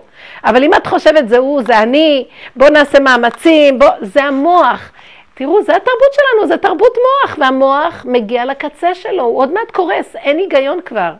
ואנחנו לא מפסיקים. הפיצוצים של הכורים זה אנרגיה של פלוטוניום, שאם היא, עכשיו קראתי שאם היא מתפרצת, מיליון אנשים נהרגים בגרם אחד. אתם יודעים איזה סכנה עכשיו יש במצב הזה? אז אנחנו בסכנה כל הזמן ככה בנפש שלנו. מה זה הפיצוץ הזה? הפיצוץ הזה זה השיגעון, זה המחלות. אנחנו חושבים שמה, זה מ... אנחנו כל כך ישנים שרק מצבים כאלה יעוררו אותנו אולי. מזל שזה מרחוק. אתם לא מבינים, אני רוצה להגיד לכם שאנחנו מאוד ישנים, זה מה שרבו שר אומר, אנחנו מופקרים למדבר שממה הזה. זה לא נראה מדבר שממה, אבל זה שממה ביחס לאור ולקדושה שנמצאת במקום של הקטנות של האמת. אז תראו באיזה שממה אנחנו גדול, גדול, גדול, ומי שמסתכל, פעם רב אושר אמר דבר שלא לא הבנתי מה הוא אמר. הוא אמר, סליחה, אני לא אומרת, זה רק מה שהוא אמר. הוא אמר שבני ברק זה עיר רפאים. אני שמעתי את זה ואמרתי, בני ברק זה עיר רפאים. אמרתי, בני ברק זה עיר ללא הפסקה. כל, כל מטר, כל חצי מילימטר יש חנות ובית. ואם יש איזה מר, מרווח בין בית לעוד בית, בונים עוד בית. או מכולת. לא יבנו שם איזה גינה או משהו, אין, אין כמעט. ועיר תוססת, מלאה חיות של תורה ומצוות. והוא קורא לזה עיר רפאים. לקח לי זמן להבין, כי יש לי שם שיעור כבר הרבה שנים, והבנתי, אין שם אמת. סליחה, לא שאין שם אמת. הדרך הזאת לא מתקבלת. כי המוח כל כך חזק, זה עיר של דת, דת, דת, הדת. הכל בדת, קופסאות, קופסאות, קופסאות, קופסאות, הכל זה הגדרות, זה היהדות הגלותית, ככה אנחנו, הכל מחובר, אה, כמה כל אחד נותן בשידוך, מי הם, אה, הכל, את לא צריכה לעשות שידוך, הפגישה בסוף, הכל כתוב, מי, מה אבא שלה, מה אמא שלה, מה סבתא שלה, מה זה, כמה נותנים, כמה לא נותנים, איך היא נראית, מה היא למדה, מה הציונים, מה זה, מה הוא, דה, דה, דה, דה, עכשיו מפגישים, אחרי זה מתחתנים. קודם מתחתנים עם הנתונים. ואחר כך במילא גם קצת. אז עכשיו, אם משהו בנתון לא מסתדר, והם מוצא חן ביניהם אחד עם השני, לא מפרקים את העסקה, כי הנתונים לא מסתדרים. לא, זה ככה זה. זה הדעת. למה אנחנו אומרים השם ישמור? אנחנו עושים את זה אותו דבר. הכל יש לך ולא חסר לך כלום. דבר אחד קטן לא מסתדר בבית, או הבעל אמר מילה, את נשברת לחלוטין. למה את לא אומרת השם ישמור? זה אותו דבר. כי הדעת שיגעה אותנו, הדעת אצלנו זה ספרייה, אנחנו, הכל ספריות, ספריות, ספריות. לאחרונה אני, אני אוהבת לבוא לב, למקום, ואני לא רוצה, אני אמרתי פעם, אם, לא, לא יפה, אני לא רוצה להגיד. תגידי, לא, לא, לא. תגידי, שיהיה לנו אומץ גם להגיד את זה, שלא לא, לא, לא, לא, לא, לא, זה לא, לא יהיה נכון. יש מקום לספריות, שהגברים ישתמשו בהם, אבל לא, הספריות זה הגניבה הכי גדולה שיש בעולם. זה גניבת דעת מאוד גדולה. אנשים יש להם רעיונות מהשם, והם חושבים שזה שלהם. וכותבים, כותבים את השם שלהם בספרים והכל, ואני, ואחד גונב מה שאני קורא ספר, נהיה לו רעיון מהזה, והכל נהיה ומלא ספרים ומלא הכל. ופעם אחת בא מישהו אה, לרב אושר ואמר לו, אני הולך לכתוב ספר. אז הוא אומר לו, נו, שיהיה לך בשר. אז הוא אומר לו, לא, אבל אני רוצה להגיד לך, רב אושר, שאני לא רוצה לכתוב את השם שלי על הספר, כי הוא היה תלמיד שלו. אז הוא הרים עיניים ואמר, רק מזה איזה גאווה תהיה לך, תכתוב. רק מזה שאתה חושב שלא לא צריך את השם שלך. אין, אין, אין, אין איך להימלט מזה. זה לסגור את המחשבה ולרדת פנימה. זה מאוד קשה. אבל רק ככה ניגאל, לך מי בוא בחדריך, הוא בא, במק... הוא בא בנחילות, מחילות עפר ובנקיקי הסלע, מפחד השם ומהדר גאונו. במחילות, אנחנו צריכים להוריד את הראש למחילה, איפה שגלעד שליט יושב. מחילות עפר. אתם מבינים שאנחנו ככה צריכים לחיות? אז זה קשה. אני אגיד לכם דבר אחד, מאוד קשה לשבת במקום הזה פיזי. הרבה יותר קל שאנחנו בנפש נהיה בקטנות. אני רואה את עצמי הולכת מהר לרגע כי המוח מושך אותי, כי אני צריכה כבר להגיע. ישר אני אומרת לעצמי, מה את רצה? לא, כי אין לי זמן. לא, בדקה אחת השם יכול לתת לך ברכה בזמן, מה שאת לא תעשי ברגליים שלך. תגידי לו, אבא, אני לא הולכת בכוח. כי אם אני הולכת עם הכוחנות, אני לא הולכת איתך. לא בכוח, אמר השם כי אם ברוחי. אז אני צריכה להאיט. אז עכשיו נמצא שאני מאיתה, יש לי צער, כי הגוף שלי והדעת שלי רוצה למהר, ואני עושה מלחמה קטנה. לא, אני רואה את האוטובוס, הוא מגיע, ואם אני ארוץ קצת, אני אשיג אותו. אז מה שהוא אומר לי, את לא תרוצי אליו. זה מאוד קשה, נכון? זה נקרא לתת קורבן. עכשיו, גלעד שליט יושב בבור הזה. אני לא יושבת בבור. אני רק, אני יושבת ויש ירוק ויפה והכול, אבל אני מוכנה לתת בנפש מקום כזה, הרבה יותר טוב לי. השם אומר לי, אני לא רוצה ממך בגוף, אני רוצה ממך בנפש. אז תגידי תודה, כי אני הושבתי אותך בעולם, ואת בת, כאילו בת חורין בעולם, אבל בנפש תני לי. גם זה לא. בסוף הוא יצטרך להביא בגוף. או שזה יהיה חס שלום שונאי ישראל, שיהיה. אתם מבינים את הדבר הזה שיש איזון בבריאה ועכשיו ביותר? כי אנחנו כל כך בגדלות שחייבים לאזן את זה בכיוון הזה. בזמנו שהיו הפיצוצים, רב אושר היה אומר, האנתיפאדה, הוא היה אומר שלמה הוא שלח לנו בורא עולם את המחבלים האלה, זורקים רימון אחד, ואיך נראה הכל. אומר, אם היינו רואים איך אנחנו שונאים אחד את השני ורבים, זה, הפצצת רימון הזאת היא עוד קטנה ליד מה שקורה בנפש מהשנאה. זה רציחה בנפש. מישהו שכועס באמת באמת, זה הרימון קטן עליו. הוא פשוט משבר ומפרק את כל המרקם הרוחני הנפשי. כתוב כל הכועס, כל מיני גיהנום שולטים בו. מה ראית? ראית פעם פיצוץ איך זה נראה? שלא נדע, שלא נדע. גיהנום את רואה. שלא נדע. אז הוא אמר, אז שלחו לנו להראות לנו איך זה נראה. אם היינו עובדים בנפש לאפק את הכעס, אז היינו מאפקים ש, שלא יבוא. האנטיפה הזאת, הזאת, אני מאמינה, כל השקט הזה בשנים האלה, זה בזכות עבודה שנעשית בנפש. רק בנפש נגאל את עם ישראל. לא נגאל אותו מכל השונאים והאויבים. עכשיו אני רוצה להגיד, רגע אחד שהממשלה וכל ההנהגה הדבילית הזאת של המוח הזה, מביאה עלינו חורבנות. כל יום אנחנו דואגים מה דעת הקהל, דעת הקהל. בעבודה הזאת, אם את נאמנה ליסוד הנפש שלך, ואת חזקה מחזיקה את זה ומחברת את זה להשם, לכי בכוחך זה, זה בורא עולם מוביל אותך, אף אחד לא ייגע בך, אף, כולם יפחדו ממך. מי שנאמן לנפש שלו, אנשים מרח, אה, מכבדים אותו. הילד האספרגר הזה שדיברתי לכם, הוא כל כך נאמן לנפשו. הוא לא יעשה שום דבר, הוא קשוב מאוד מה טוב לו ומה נכון לו. והוא לא יזוז בכהוא זה מזה. אם זה מצטרף שגם הנפש שלו וגם השני, אז הוא יעשה דבר. אבל אם זה סותר את הנאמנות לנפש, קודם נפשו. כולם מכבדים אותו, אף אחד לא יכול לו. הוא ילד בן עשר, שום רבה ששלחו לא יכול לו. אף אחד לא יכול לילד הזה, הוא לא, הוא לא לומד, חצי שנה הוא בבית. הוא אמר, אני לא רוצה ללמוד איך שהם מלמדים. הוא אמר, אני לא, אני, אני כבר יודע הכל, אני לא צריך ללמוד ככה. הוא באמת גאון, יש לו מוח מאוד גאוני. אני לא רוצה ללכת עכשיו, הם לא יגידו לי מה לעשות. הוא מסתכל ורואה אותם באמת שקרנים, רמאים, לא מחוברים, הוא מחובר לעצמו, אני צריך לקבל מהם, הם יקבלו ממני. אבל אנחנו רחוקים מהנפש שלנו מאוד. אז אני רק ממחישה לכם, ילד כזה, אני רוצה להגיד לכם, כולם מכבדים אותו ומפחדים ממנו. אתם, אתם מבינים את הדבר הזה? כי הוא נאמן לנפשו והוא חזק. עכשיו, אם עם ישראל היה מחובר ליסוד שלו באמת, אם אנחנו צריכים פה לבנות כי זה המקום שלנו וכאן אנחנו גרים, אז איפה נגור? אם לא נבנה פה, איפה נבנה? אנחנו צריכים לחכות למה שיגידו לנו אומות העולם? ואם הערבים היינו אומרים להם, רק רגע, זה המקום שלנו, אנחנו בדם ויזע ודמעות.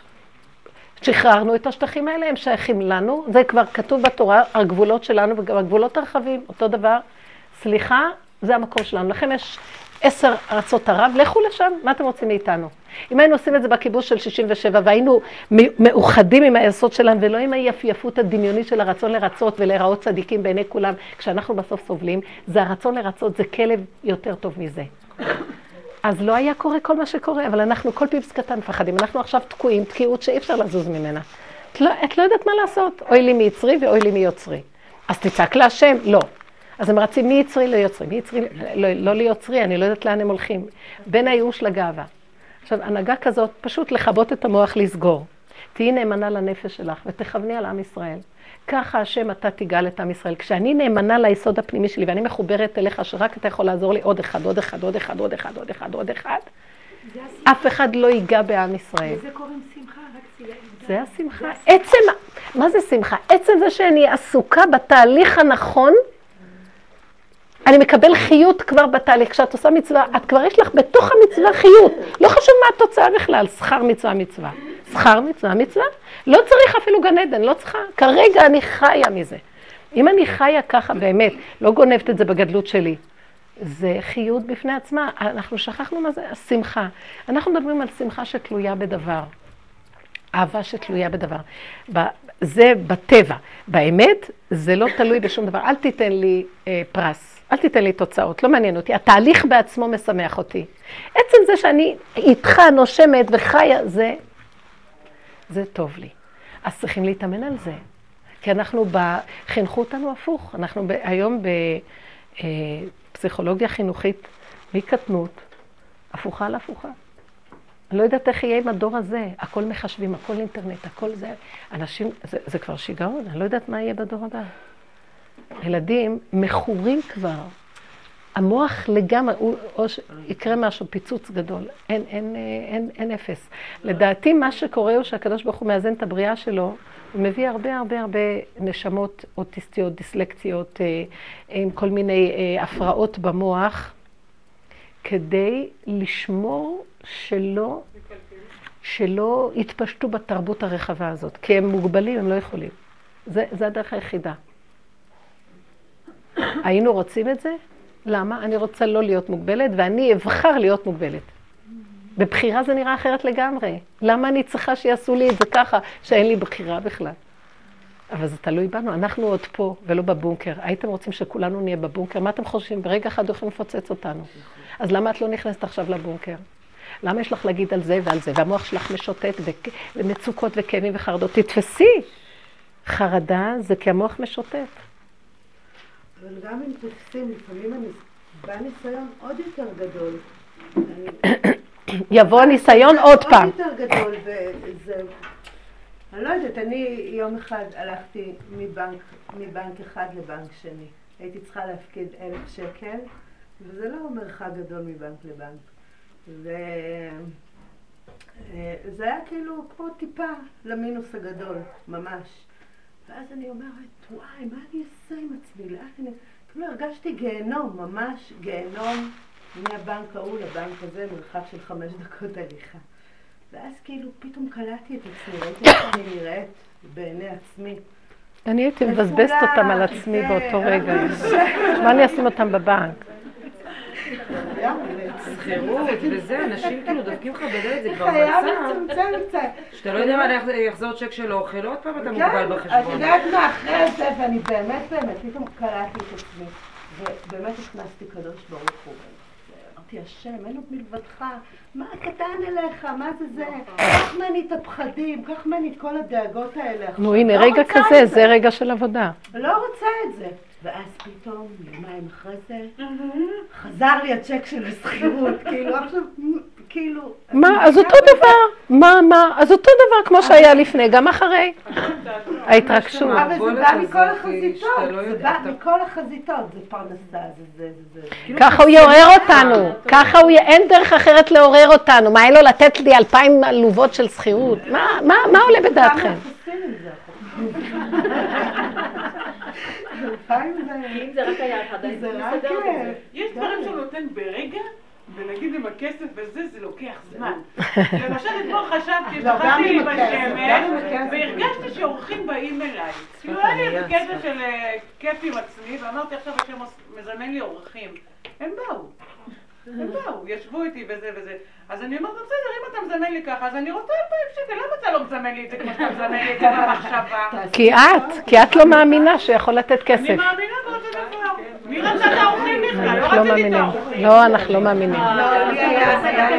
הנה הסיפור שלה. את יודעת מתי אני יודעת שאני מאמינה שיכול לתת? שאחרי יומיים בא הצ'ק הזה שנפל, אה, תקבלי את זה בשוויון הנפש כאילו לא בא. אז אני יודעת שיש לי אמונה שיכול לתת. הבנתם? תמיד תבחנו בהיפוכו של דבר אם יש לנו את הדבר עצמו. רק על ידי ההיעדר של הדבר את יכולה להוכיח לעצמך.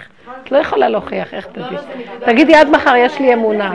זה לא אומר בכלל. זה השמחה בהיעדר, שרק אז אנחנו. בדיוק, בהיעדר, רק אז את יכולה, רק אז יש גילוי שכינה, כי בכן, מאיפה את יודעת שכן? מה קורה אולי את תלויה? בדבר עצמך מהדבר ולא. אני, אני נהדרת, מאדירים אותי, כאילו, הכי טוב. מכרסמים בי, מה זה, ומכרסמים. בי, מה זה. מאדירים אותי? אני מרגישה כאילו... מאדירים את. הדמיון של האני שלי. מה מצטמק? יופי, רק האני כאילו. מצטמק. רק האני מצטמק, כי הוא התרחב מאוד, כולנו. מה קרה? השם שם אותי במקומות הכי... כאילו, אני באמת מה? הולכת עם השם, קמה בבוקר, איפה אין לך שתשים ברירה. איפה שתשים אותי, יהיה בסדר, יהיה אז טוב, מה? הכל אז יהיה מה? טוב. אז מה? ליד האנשים הכי חולים, הכי כסף, הכי קשקשנים, הכי שקרנים. עכשיו, אני, כל פעם שאני נכנסת, כאילו מנסים לקרוע לי את הבגדים, יעני, בואי שנייה, בואי שנייה. שבי פה, דברי פה, תעשי... ואני באמת יושבת ככה, כאילו רק שלא יראו אותי, רק שלא ידברו איתי, רק. וזה לא עובד.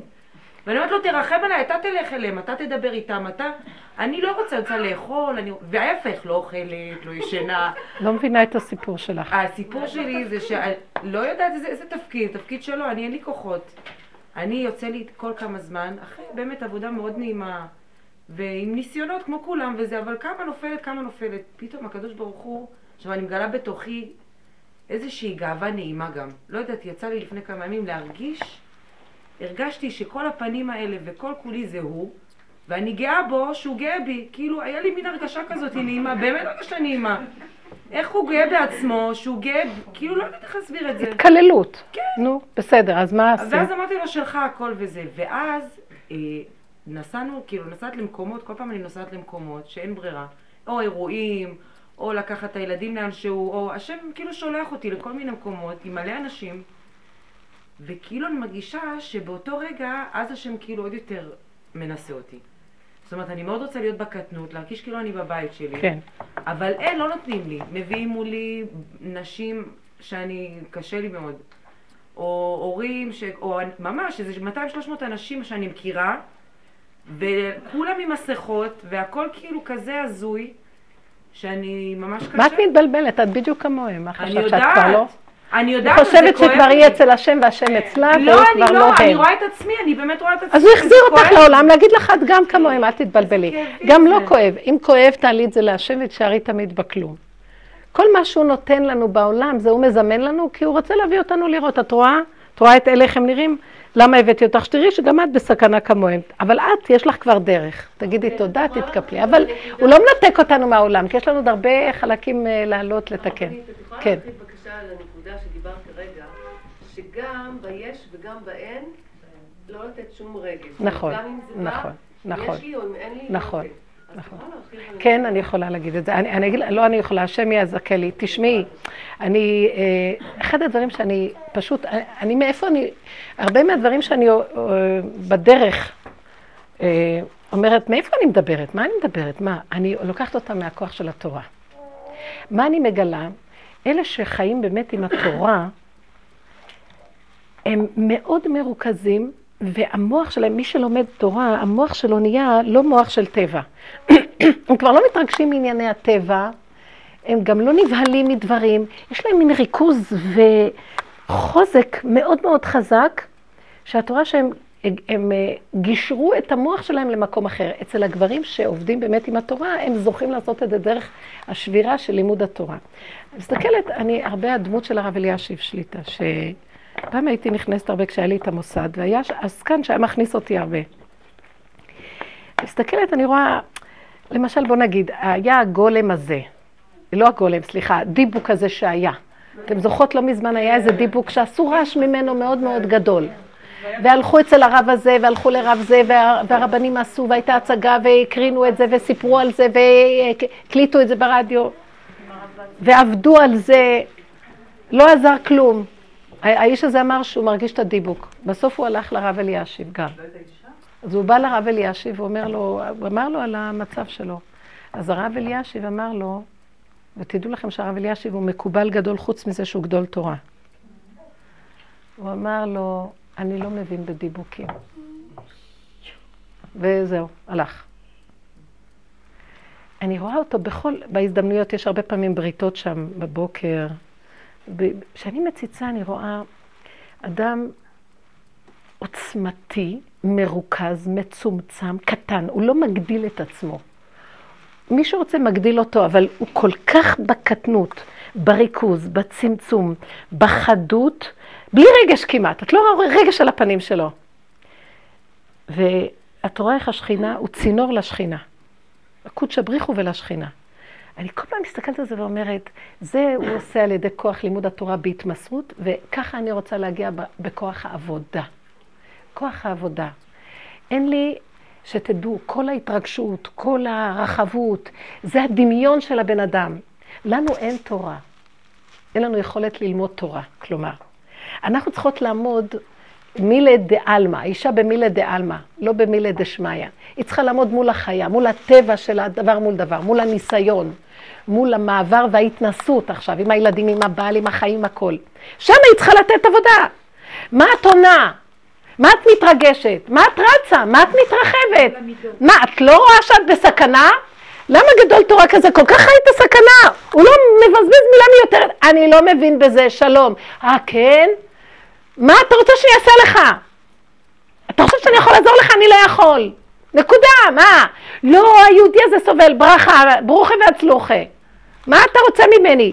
שימו לב, הכל מדויק, הכל קטן, הכל במקום של אנחנו מתרחבים, מתרגשים, אולי, אבל, אם. סליחה, זה דמיון, זה הרבה דמיון. אני רואה איפה אנחנו מפסידים את החיים. כל פעם שאני רוצה להתרגש ממשהו, אני, מש, משהו בכוחי, בתוכי מזכיר לי, תסגרי, תצמצמי. תעשי בקטן. גמר דבר, גמרת, את לא זוכרת. אמרת מילה, אמרת, אל תחשבי חמש פעמים. אם היא חוזרת אליך ואומרת לך, תנתחי אותי, למה אמרת ככה, לא ככה, רק לצורך העניין, להעלות את זה, נגמר. אה, עבר איזה נקודה, מישהו אמר מילה, כן, היה איזה סיפור שמיש, אמרתי למישהי איזה מילה, אחר כך הלכה להגיד למישהי ההיא, שהלכה להגיד למישהי ההיא, שהתגלגל מזה סיפור גדול. ועכשיו זה חזר אליי, ואז אמרתי, אז אולי כדאי שתרימי טלפון להיא כדי לסדר את כל המהלך הזה. אחרי רגע אמרתי, לא, תסגרי את המוח שלך, אל תתני לזה ממשות, תקחי מזה נקודה לעבודה, לא היית צריכה לדבר לאישה הזאת, לא קלטת שהיא כזאת שהיא תגיד, אז לא היית צריכה בכלל להגיד, התרחבת טיפה בדיבור, תראי מה קרה. חזרתי לעצמי, סגרתי, נשתתק כל הסיפור. אם הייתי פותחת ואומרת לזאת, אז זאת הייתה הולכת לזאת, שאומרת לזאת, הייתי מרחיבה את זה, בשביל מה? אין צורך, נגמר, הלך, דבר נגמר, נגמר. אנחנו דשים וחוזרים, ועוד פעם. הבעל אמר לך איזה דבר, את לא יכולה אחר כך, למה לא ישנת כל הלילה? הוא אחר כך ישן נחר טוב מאוד, למה את לא ישנה טוב? הילדים עושים איזה דברים, אז, אז הם כרגע עשו, ילד, הילד השני נושך אותו, מכה אותו, אחרי שנייה הם נהיים חברים, ושכח מהכל. למה את עוד רוגשת, רועשת, מתרחבת? למה את לא חיה את הסכנה? למה את לא חוזרת ליסוד של הקטנות, מוסרת את זה לבורא עולם, וחיה כאילו את בסוף? בסוף אין זמן, אין זמן. נקודה, עוד נקודה, עוד נקודה. תנו לי דוגמאות מהחיים, תראו איך שאנחנו חיים, אנחנו אה, מרכזים אנרגיה אחרת, אנחנו לא מאבדים את החיות שלנו, אנחנו גם לא מתרחבים בשקרים, בבדותות, אנחנו לא נופלים בתוואים החוצה, אז לא עושים גם עבירות. אה, הרבנית זאת אומרת שאם השם מזמן לי צ'ק, או נגיד על צ'ק, נדבר על כסף רגע, כי זה יכול על כל דבר. אם הוא מזמן לי, ואני איתו, אני בעבודה, זה גילוי, ואם הוא לא מזמן לי זה גילוי. זאת אומרת, הכל זה גילוי שלו. אם הוא לא מזמן לך מה? אה, את הכסף. כאילו ביש כן, הכל זה. הוא רוצה להביא אותנו למקום אה, שלא רק שהוא בא, יש ישועה, שמתם לב? יש נושעתי, עשיתי ונושעתי, ספרים כאלה, נושעתי. אז אני יודעת שהשם הוא תמיד זה שנותן לי, אה, אם, אם הוא נותן לי את הטוב נושעתי, ואם לא, לא. אז זה לא נקרא השם. לא זה נקרא הדמיון שלי. כן נושעתי. אם לא הוא לא נתן לי, לא נושעתי? בדיוק. אז אני רוצה שנבין, הישועה היא לא רק בזה שקיבלתי את מה שאני רוצה, גם שלא קיבלתי מה שאני רוצה, אז אולי אני לא צריך את זה, אולי הרצון שלי עכשיו לא הזמן שלו, אולי זה יתרחב במקום שלא לטובתי, חשבונות שמיים אני לא יודע, אני יודע שכרגע הלא הזה זה טוב מאוד. בואו ננס, בוא ננסה לעבוד עם המוח שלנו דווקא בשלילה, לכן אמרתי לכם שהשלילה זה עיקר העבודה. כי בחיוב אנחנו ישר נותנים חותמת זה השם. אני מפחדת מזה. אני פעם אמרתי לרב אשר, ש... שלמה אלה מצליחים ואלה ואלה, הוא אומר לי, אל תקנאי בהצלחות של העולם היום. מי שמצליח זה מסוכן היום. מאיזה צד זה בא? את לא יכולה לדעת. יותר טוב שערי בקטנות ואיתו יתברך. איך? המוח רוצה את החיובי, את החיובי. כל התרבות היום הולכת על החיובי, זה שקר החיובי הזה. יש... אה, עד שלא מרגישים את המתיקות הזאת. כי זה הדמיון מפריש לנו אינדרופינים. יש היום מחקרים. מה זה המתיקות שיש לנו? הצליח לנו? זה המוח מפריש את ה... את עושה את ההפרשה לעצמך. זה לא באמת השם. המתיקות הזאת היא לא מתיקות אמיתית. כן, המתיקות האמיתית אני אומרת, אני יודעת ש... אז הנה אני מצפה הנה הצטמצמתי. בלי לצפות, בלי לצפות. זה גאווה. נכון, זה גם התרחבות. הלצפות זה, אני, הלצפות אני מחפש את התוצאה, ואנחנו מחפשים את התהליך. מחפשים שהתהליך, איך שזה ככה, זה טוב מספיק לי. אני מבקשת מהשם שייתן ישועות.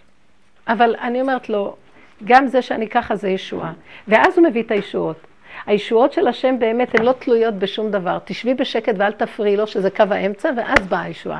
לא, אני, בדעת, הישועה תלויה בימין. השמאל זה לא ישועה. אני תמיד מתנה את זה. השפה של השכינה היא שפה אחרת משפת הדעת. זה שפה אחרת לגמרי. שבו באמצע, ותגידו שעצם זה שאתם יושבים שם זה כבר ישועה. זה שקט כזה רגוע קטן. השאר כבר יבוא במילא. ואני צריכה להיות שמחה בניגוד לזה אם יש לי או אין לי, והשם ירחם, וזה באמת לא קל, כי שם מנסים את הבן אדם ביותר, ואנחנו לא עומדים בשום דבר. אז תגידי לו, אבא, אני לא עומדת בכלום, אני נותנת לך את נקודת האמצע, אתה יודע שאני לא יכולה, יש צרכים, בעולם הזה יש לי צרכים, תספק לי אותם. ככה הבאת אותי שהגוף שלי, אבל צריכים גם לראות שהרבה פעמים מהצרכים שלנו הם גדלות של עצמנו, הם לא מחויב המציאות, הצרכים האלה. הרבה פעמים הוא מביא אותנו לחשבון אמיתי, שלא חייב. אנחנו מאוד מאוד תלויים בדמיונות של המוח שלנו, אתם מבינים? כן. כן.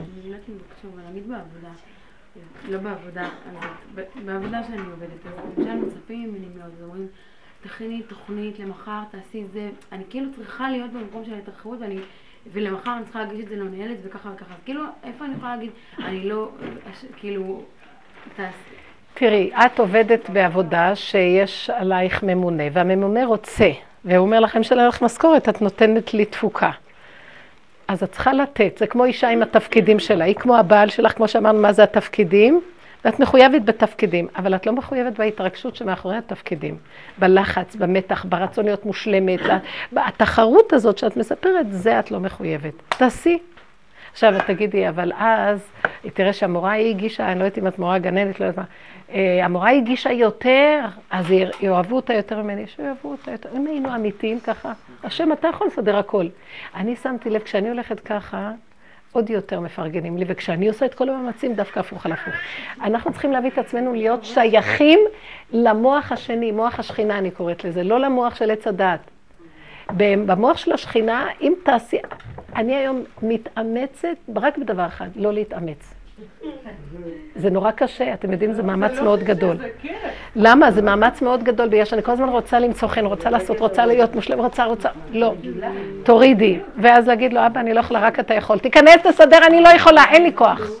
אני אלך ואני אדמה לעצמי שזה טוב לי וזה יש לי כוח, ואני אוציא כוחות, כן. אתם לא יודעים, העצבים האלה יכולים להוציא הרבה כוחות שאין לנו כבר. אני אומרת לו, רק אתה, רק אתה, תרחם עליי.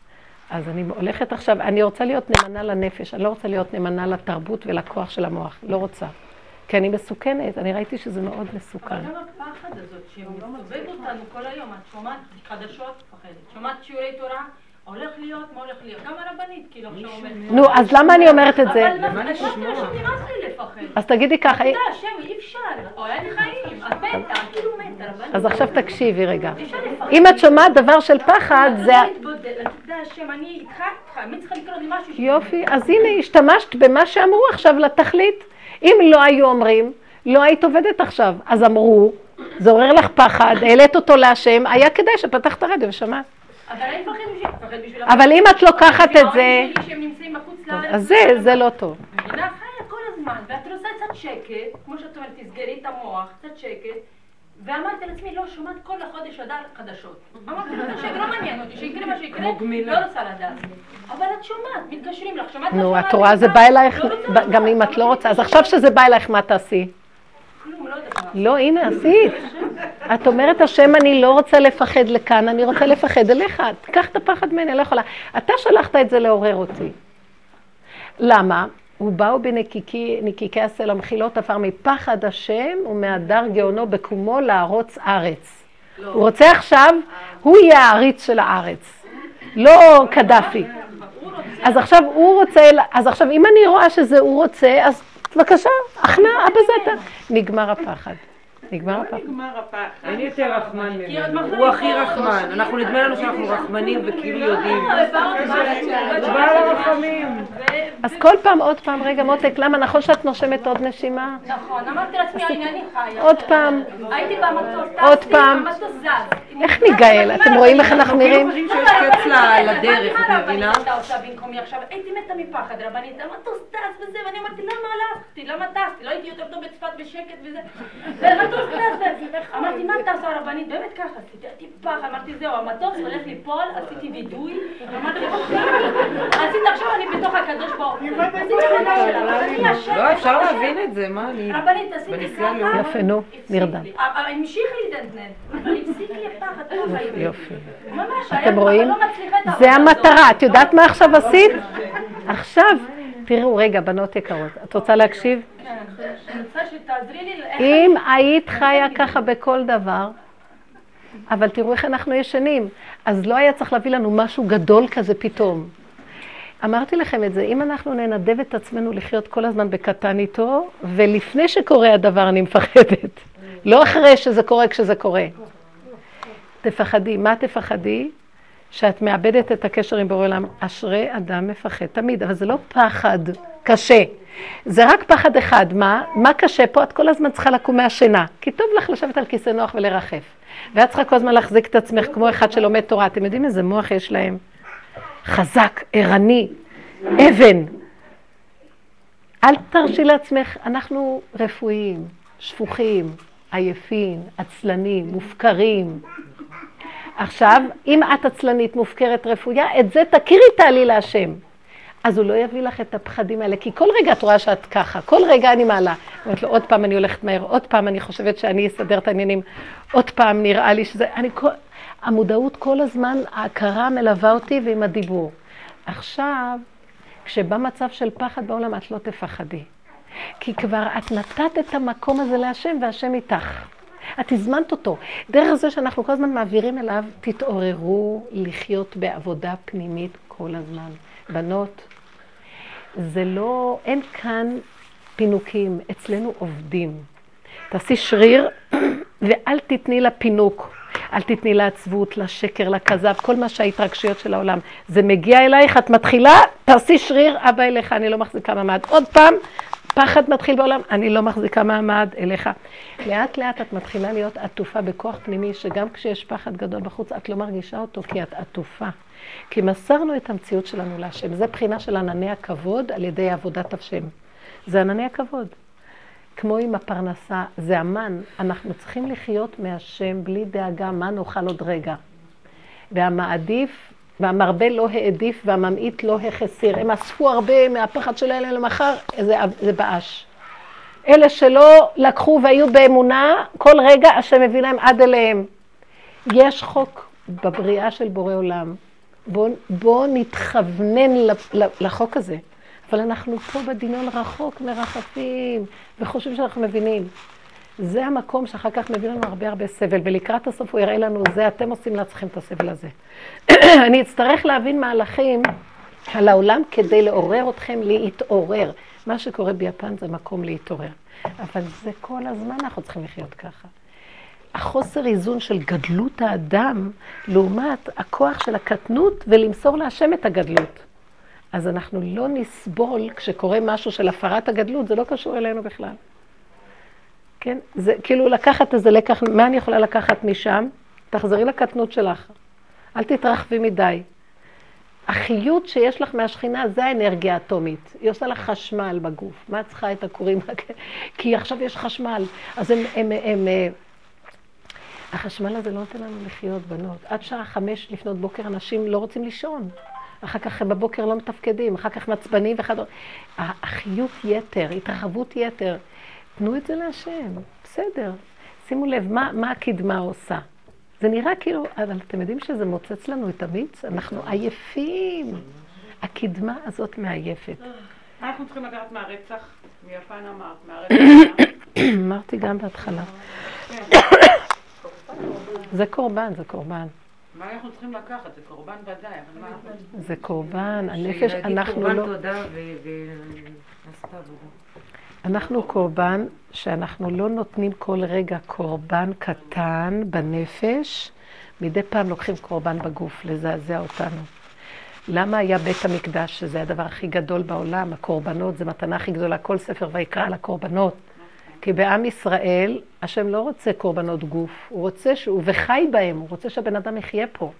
אתם לא מקריבים קורבן בנפש, אז אני אקח לכם בגוף. היום אין בית מקדש, היו מקריבים בנפש הבעמית, את הבהמות, במקום קורבנות גוף. אז היום אין. אז תעשי קורבן בנפש. מה זה קורבן בנפש? זה אשמתנו עכשיו, איך נכיל את זה? אשמתנו. לא צריכה עכשיו לשבת ולהתבוסס באשמה, צריכה לקום ולקחת בערנות. אני עכשיו רואה את הרב אלישיב מול העיניים שלי, מה אני רואה? אין לו רגע זמן לבזבז על כלום. כל רגע שלו זה חבל לו על הזמן. עכשיו אני אשב, עכשיו אני אקח את זה עליי. מה את אומרת לי? שמתם לב לזה? אמרתי לך שתשתקי בצד שמאל. מה עכשיו אני אעשה? רגע אחד תפסת נקודה, קחי את הנקודה וזרקי את כל הסבל והשקר של ההתרגשות. קחי את הנקודה, מה הנקודה? תני קורבן עכשיו. בא מישהו להגיד לך משהו ואת לא... אז תאבקי, זה עכשיו מונע רצח בגוף. אתם לא מבינים כמה שזה עובד, איפה המוח שלנו מכוסה, אנחנו ישנים. אגיד לכם את האמת, כתוב את זה בנביא. ובחנתים כבחון הכסף וצרפתים כצרוף הזהב. לקראת הסוף יהיו צירופים אחר צירופים כדי להביא אותנו להתעוררות. רש"י אומר, ועל הפסוק, ועוד עשירייה, ושבה והייתה לבאר. אם תישאר עשירייה מכל הצירופים, גם היא תחזור להיות מצורפת. כל כך אנחנו מלוכלכים. ישנים. אז בסוף רש"י אומר שלא יישארו, לא יישארו אנשים, רק מי שליבם, בכל, בכל ליבם קשורים להשם. יישארו רק הצדיקים שבכל ליבם קשורים להשם. הפירוש של רש"י על הפסוק הזה. לא? אתם יודעים מה אני רואה? אתם יודעים, אני, אמרת לכם, אני חושבת, הפירוש שלי, הפירוש שלי הוא יותר, לדעתי הוא יותר טוב מהפירוש, לא שהפירוש של רש"י לא טוב, אבל הפירוש של רש"י צריך להבין אותו. כל אחד יישאר, אבל יישאר בו רק החלק של הצדיק שקשור עם השם. כל השאר ייפול, כל המוח הגדול ייפול. נכון שפירשתי את זה? השם נתן לי את הפירוש אמרתי, רש"י, מה אתה אומר? שלא יישארו רק הצדיקים, ומה איתי? מה יהיה איתי? ומה כולנו? הרג את כולנו לרגע. הוא אומר, לא, מחשבה שבאה לי, לא. כולנו נישאר בעזרת השם, אבל אם ניתן עבודה, יישאר החלק המשובח הקטן, שכל כולו קטן, מצומצם, דבוק בהשם. אין התרגשויות יתר, צער יתר, רחבות, סיפוקים, ריגושים, כלום. כל רגע אני, אני מכווננת לצינור של השם, והוא מולך בי וחיים הולכת ומוביל אותי גולם של השם. זה נקרא צדיק שבכל ליבו קשור להשם. זה, זה הכוונה. וכל השאר, כמה רוחות וכוחות רעים יש בתוכנו, כמה שערות, כמה בלבולים, כמה דמיונות, כמה ריגושים, כמה חרדות, כמה, מה לא בתוכנו משתולל. אתם לא שמים לב איך אנחנו נראים? רגע אחד תסתכלי איך את נראית, מחשבה כזאת, כזאת, כזאת, כזאת. מישהו עשה משהו, ישר את ככה. מישהי נכנסת, כל העיניים שם. מישהו אמרה מילה, כל... את, אנחנו לא יכולים לתת עמוד שדרה ולהישאר עם היסוד שלנו, ולא להיות מושפעים מכלום ולהיות קשורים איתו באותו רגע. זו התנועה הסופית שלנו. זה נקרא, יישארו רק אלה, יישאר רק החלק הזה באדם, כל החלקים האחרים יפלו. היום איך אנחנו נראים מפורדים ומפוזרים כמו עשיו, כמו אדרת. רגע פה, רגע שם, מחשבה פה, רגש כאן, הגוף שלי כאן, הגוף שלי שם, אנחנו לא, אין לנו ריכוז. זה חולי של הדור, אין ריכוז. אין ריכוז, אין זיכרון, לא זוכרים את השם, כי זה אותם אותיות. אנחנו במצב מאוד מאוד לא טוב. אז בואו בוא נכווץ. וכל, היום אני רואה איך אני מקיימת את החגים ואת השבתות בצמצום. הכל ככה. אני לא יודעת מי עושה את הבישולים, זה רק בורא עולם. אני לא מאמינה. אני, אני מאוד עייפה, מתחילה מאוד מאוחר ביום שישי כי אין לי זמן. ואני רואה איך, איך נעשים הדברים, אני לא מאמינה. זאת אומרת, לא, אבל זה אתה, זה אתה. זה רק אתה. עכשיו, אני לא סובלת שהם באים, לא רוצה אותם. למה שאני אעבוד כל כך קשה בשביל כולם? לא רוצה, אני מעדיפה לאכול ולישון לבד. אז אני אומרת לו, אבא, אבל אתה רוצה את הבית היהודי, אתה רוצה זה, נכון? אז אתה, אני מצידי יריב עם כולם ואני אהרוג את כולם. אם אתה לא תרחם עליי, תעשה פה אחדות, שיהיה אחדות. אני מהשלילה שלי מדברת אליו, אולי זה מוגזם איך שאני מדברת, לא אכפת לכם. אני אומרת להשם יותר גרוע ממה שאני אפילו יודעת שאני. ואז אני רואה איזה אחדות שכינה. זה לא יכול להיות שאני לא טרפתי את זה, ולא ירדתי על זה, ולא ביקרתי, את לא יכול להיות. איך כזה חולה נפש כמוני נשאר שפוי, ועוד הייתה אהבה ושכינה התגלתה פה. כי מסרתי לו, כי אני לא. אני, אני יכולה לבשל, אין לי כוח. למה שאני גם אעשה להם, גם הם רוצים כבד, קצוץ. ואני צריכה לעשות את זה, הם לא רוצים שאני אקנה, כי זה לא טרי. גם זה, גם עוגות, גם לחם. רק את הלחמניות שלך, אימא. אני לא אומרת להם בפנים כלום, אומרת להם, כן, רק צריך מי... אתם אוכלים, שותים, הולכים, מה אכפת לכם ממני בכלל? ככה אני חיה כל הזמן עם בורא עולם. כי אני רוצה להיות נאמנה לנפש ולא... למה? כי אני, אני ישר אגיד, אוי, איך הם אוהבים אותי, ואני אלך לאיבוד, אני אעשה להם עוד. רק זה חסר לי. שהוא יעשה עוד, שהוא יעשה עוד. הוא עושה דרכי ואני לא יודעת איך. אני לא יודעת איך, זה רק הוא. אני רואה שזה הוא. למה? כי אני לא. אם נשאר עם הלא שלנו, מה יקרה? אבל את לא צריכה להגיד להם את זה, בנות, רק תשארי עם האמת שלך. רק עם האמת שלך, אבא, רק אתה יכול להיות טוב. חסכנו את כל השביעות והאנוכיות. כן, כן, כן. הכל הולך אליו, שהוא יעשה מה שהוא רוצה. זה, את רואה בחוש. כי אם עכשיו כל כך הכל יסתדר, איך זה יכול להיות? זה לא אני. אז אני יודעת שזה הוא, חיים איתו. אני חושבת שזה אני, אני, אני, בסוף את מקבלת תפליקים.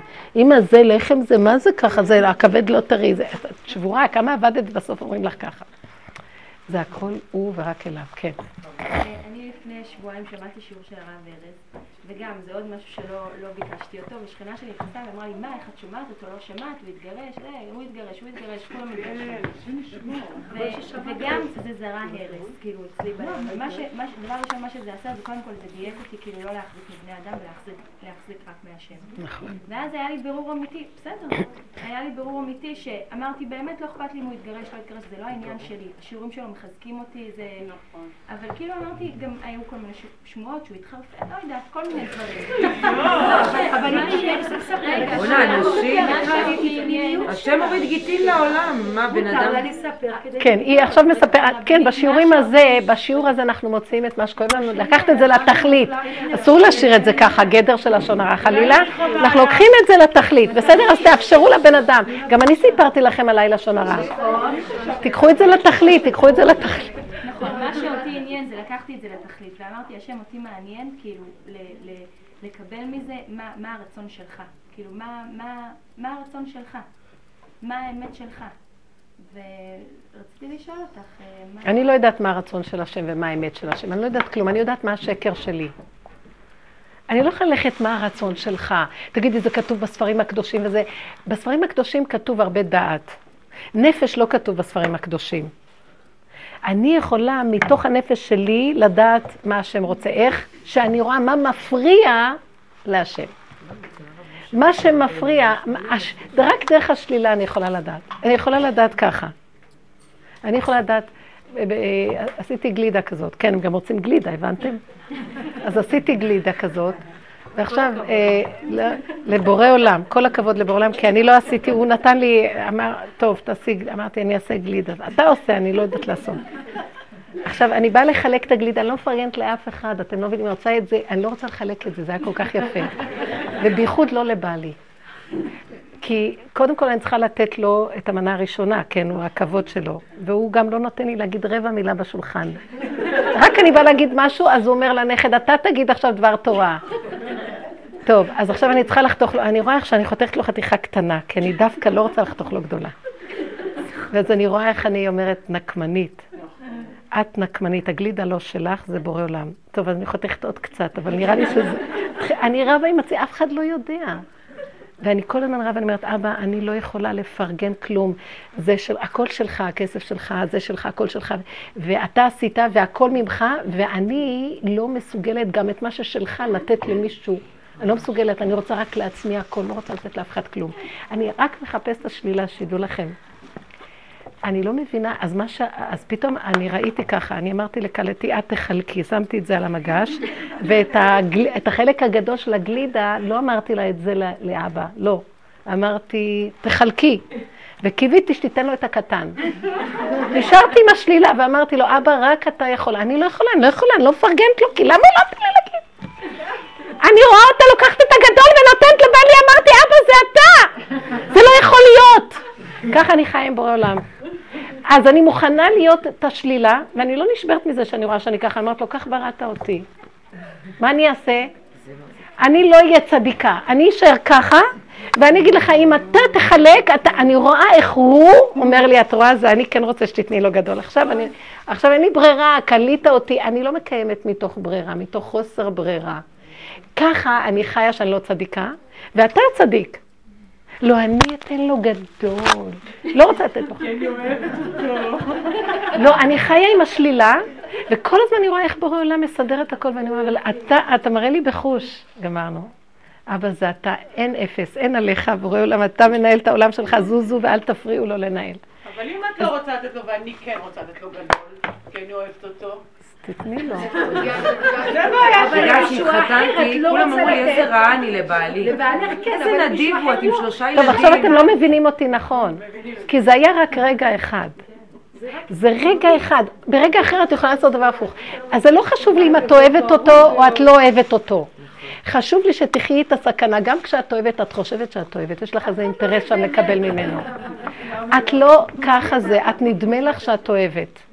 כי עובדה שיש לך הרבה פעמים אחר כך, אה, אני, אני כל כך אוהבת אותך ומה אתה נותן לי. אני לא מבקשת מכם, תעזבו, תעקבו אחריכם, אם זה בחיוב ואם בשלילה. תשללו את מציאותכם, אפילו שהיא חיובית, תשללו אותה. אה, כן, אני מאוד אוהבת אותם.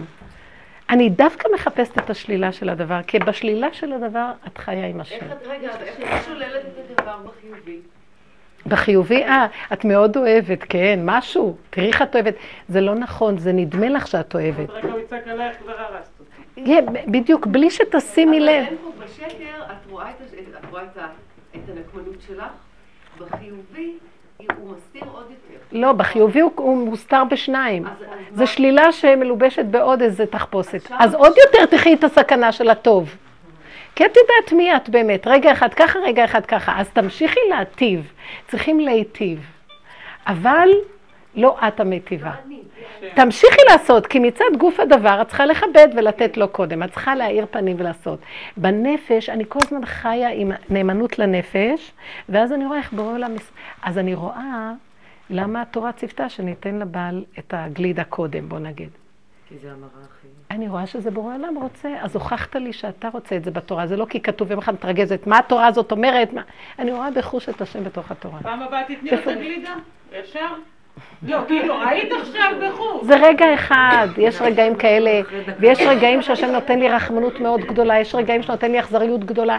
לא אכפת לי, כל מה שהוא נותן לי, תעבדי עם זה. תעבדי עם זה ותישארי תמיד שלילה.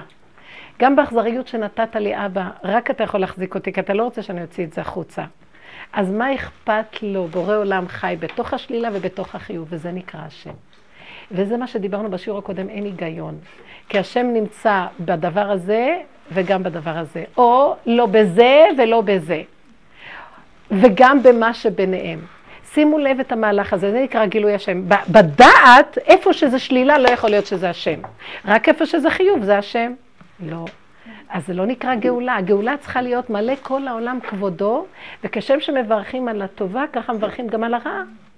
אז אנחנו, הכל זה הוא יתברך, ואין אפס ואין עוד מלבדו.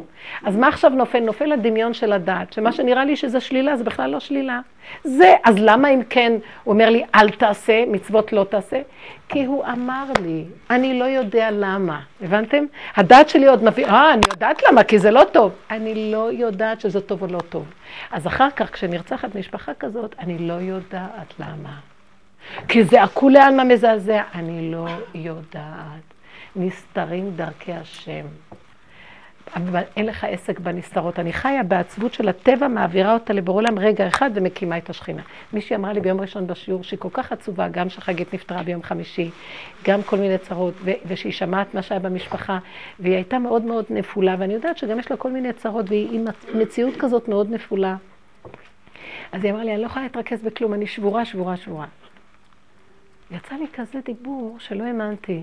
אמרתי לה, את מפונקת ואת מופקרת. ואת חושבת שאת שבורה בגלל מה שקרה שם. לא, את תופסת טרמפ כי במילא את שבורה, מכל דבר את מתמרמרת. כי זה הפקרות שלנו. רגע אחד, זה נכון שזה כואב ששומעים כזה דבר, כולנו מזדעזעים. אם נסתכל בזעזוע, זה עושה לנו משהו שיש לנו פחד על עצמנו, הקיום האישי שלנו מזועזע. אז אני מסתכלת על זה, ואני לא יכולה להכיל אותו, ואז אני אומרת, שכינה בצער. את בצער, שכינה בצער. עכשיו, איך תוציאי את השכינה מהצער? כי בידייך גם להוציא אותה. את מכניסה אותה, ואת גם מוציאה אותה. הלא עוז וחדווה במקומו. אני מדברת על בחירת האדם. השם לא תלוי בנו, הוא תמיד שמח בלי כלום. אבל אנחנו, בעולם הזה יש רובד של צער, הצער הזה גם השכינה משתתפת. אז תוציא אותה מהצער, אמרתי לה, רגע אחד של כאב הוא הביא לנו, הכאב הזה אני צריכה לעלות אליו ולהגיד לו, אני לא מכילה את הכאב, אני גם לא יודעת מה הנהגה, לא מבינה שום דבר. כל החיים שלי זה רק רגע אחד ועל הקו של התפר. אני לא יודעת כלום, אני מוסרת לך את, את העולם, אני מוסרת לך את העצבות ואת הכאב, ואני הולכת לדרכי כאילו לא נגע בי כלום, כי אני לא יכולה, אני גולם. באותו רגע הקמת השכינה והחזרת אותה למקומה, עוז וחדווה במקומו. אנחנו לא יודעים את ההנהגות של בור עולם. את לא יודעת איזה שמחה יש בעולמות. אתם לא יודעים מה יכול להיות מהמצב הזה.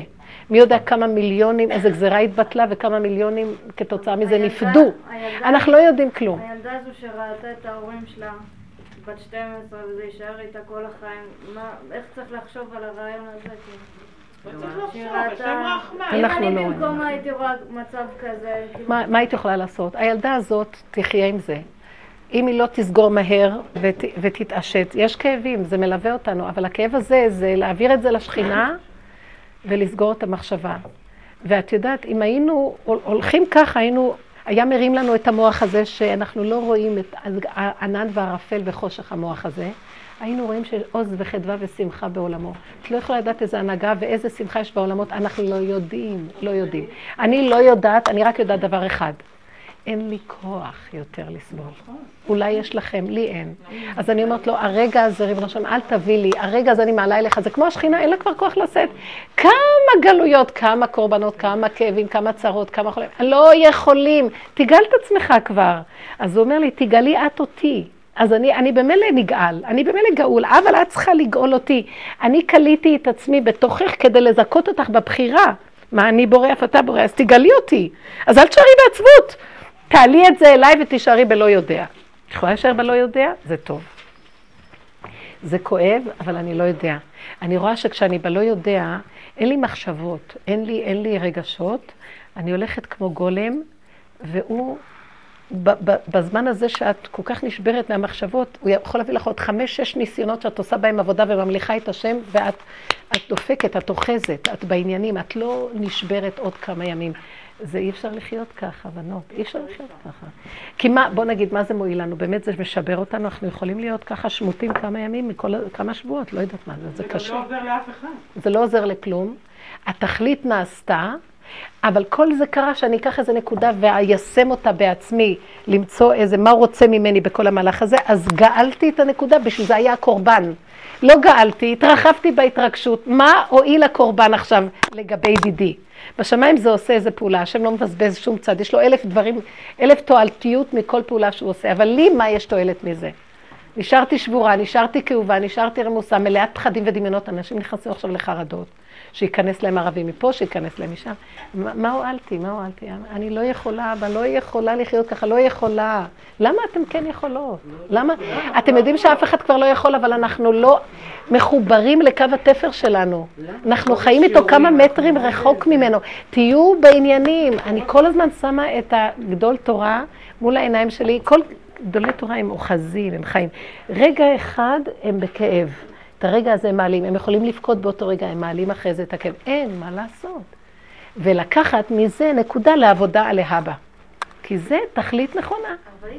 מה יצא מכל הריגוש הזה? כאבים פיזיים, מה לעשות? כאבים פיזיים נובעים כתוצאה מזה שהמוח מאוד מאוד פתוח, והמוח, אה, מרוב שהוא פתוח, הוא כבר משחרר את כל הזה גם על הגוף. אז מה עשית ברגע. תקחי את הכאב, רב אושר היה מדבר על זה, תעלי אותו להשם, תגידי, אני לא מחזיקה מעמד בכאב. רב אושר, אני לא מחזיקה מעמד בחולשה ובכאב, אליך עוד פעם ועוד פעם, אליך אני לא מחזיקה. לא ואז תצעקי, כמה פעמים שהיו לי, כל מיני מצבים, אני ראיתי מה שעזר לי, זה להתרכז בעצבנות מאוד גדולה, כי את לא יכולה לסבול את הכאב, ולהעלות את זה בצעקה גדולה, שאת לא יכולה לסבול את הכאב. אל תרצי להיות יכולה. מבינות מה אני מדברת? אל תהיו סבילות לפחדים לאחר, תילחמו להעביר אותם להשם ולהישאר ריק. אנחנו מסכימים, זה חולשת הנפש. את, המפתחות בידייך, הבן אדם הוא מלך הבריאה, הוא מלך הבריאה, בידיים יש לו המון כוח. לעבוד ולהעביר, לעבוד ולהעביר, לא להישאר בהפקרות. אה, זה שקר וכזב. לא להיות בהפקרות, חגרה בעוז מותניה ותאמץ זרועותיה. כל הדמות של האשת חי, את רואה אותה ככה. חוזק, צמצום, ריכוז, תכליתיות, חיות. מה זה פה? אה, דמיונות, מחשבות. אז הוא שולח לנו את הגירויים כדי דרכם להיות מחוברים איתו, אז הוא בא ויורד איפה שהמלכת אותו. אז לאט לאט את נהיית עם עוצמה. בשביל זה זה טוב שבאים הפחדים, זה טוב שבאים הגירויים, אבל לרגע, מה אנחנו מתרחבים איתם? מה אני אעשה עם זה עכשיו, עם הידיעה הזאת? מה אני אעשה עם הידיעה הזאת? אני אשתגע? לא לחשוב. לא לחשוב, לא לחשוב, זה הבריאות הנפש הכי גדולה בדור הזה, זה התרגיל הכי גדול, תסגרו את המוח. כן,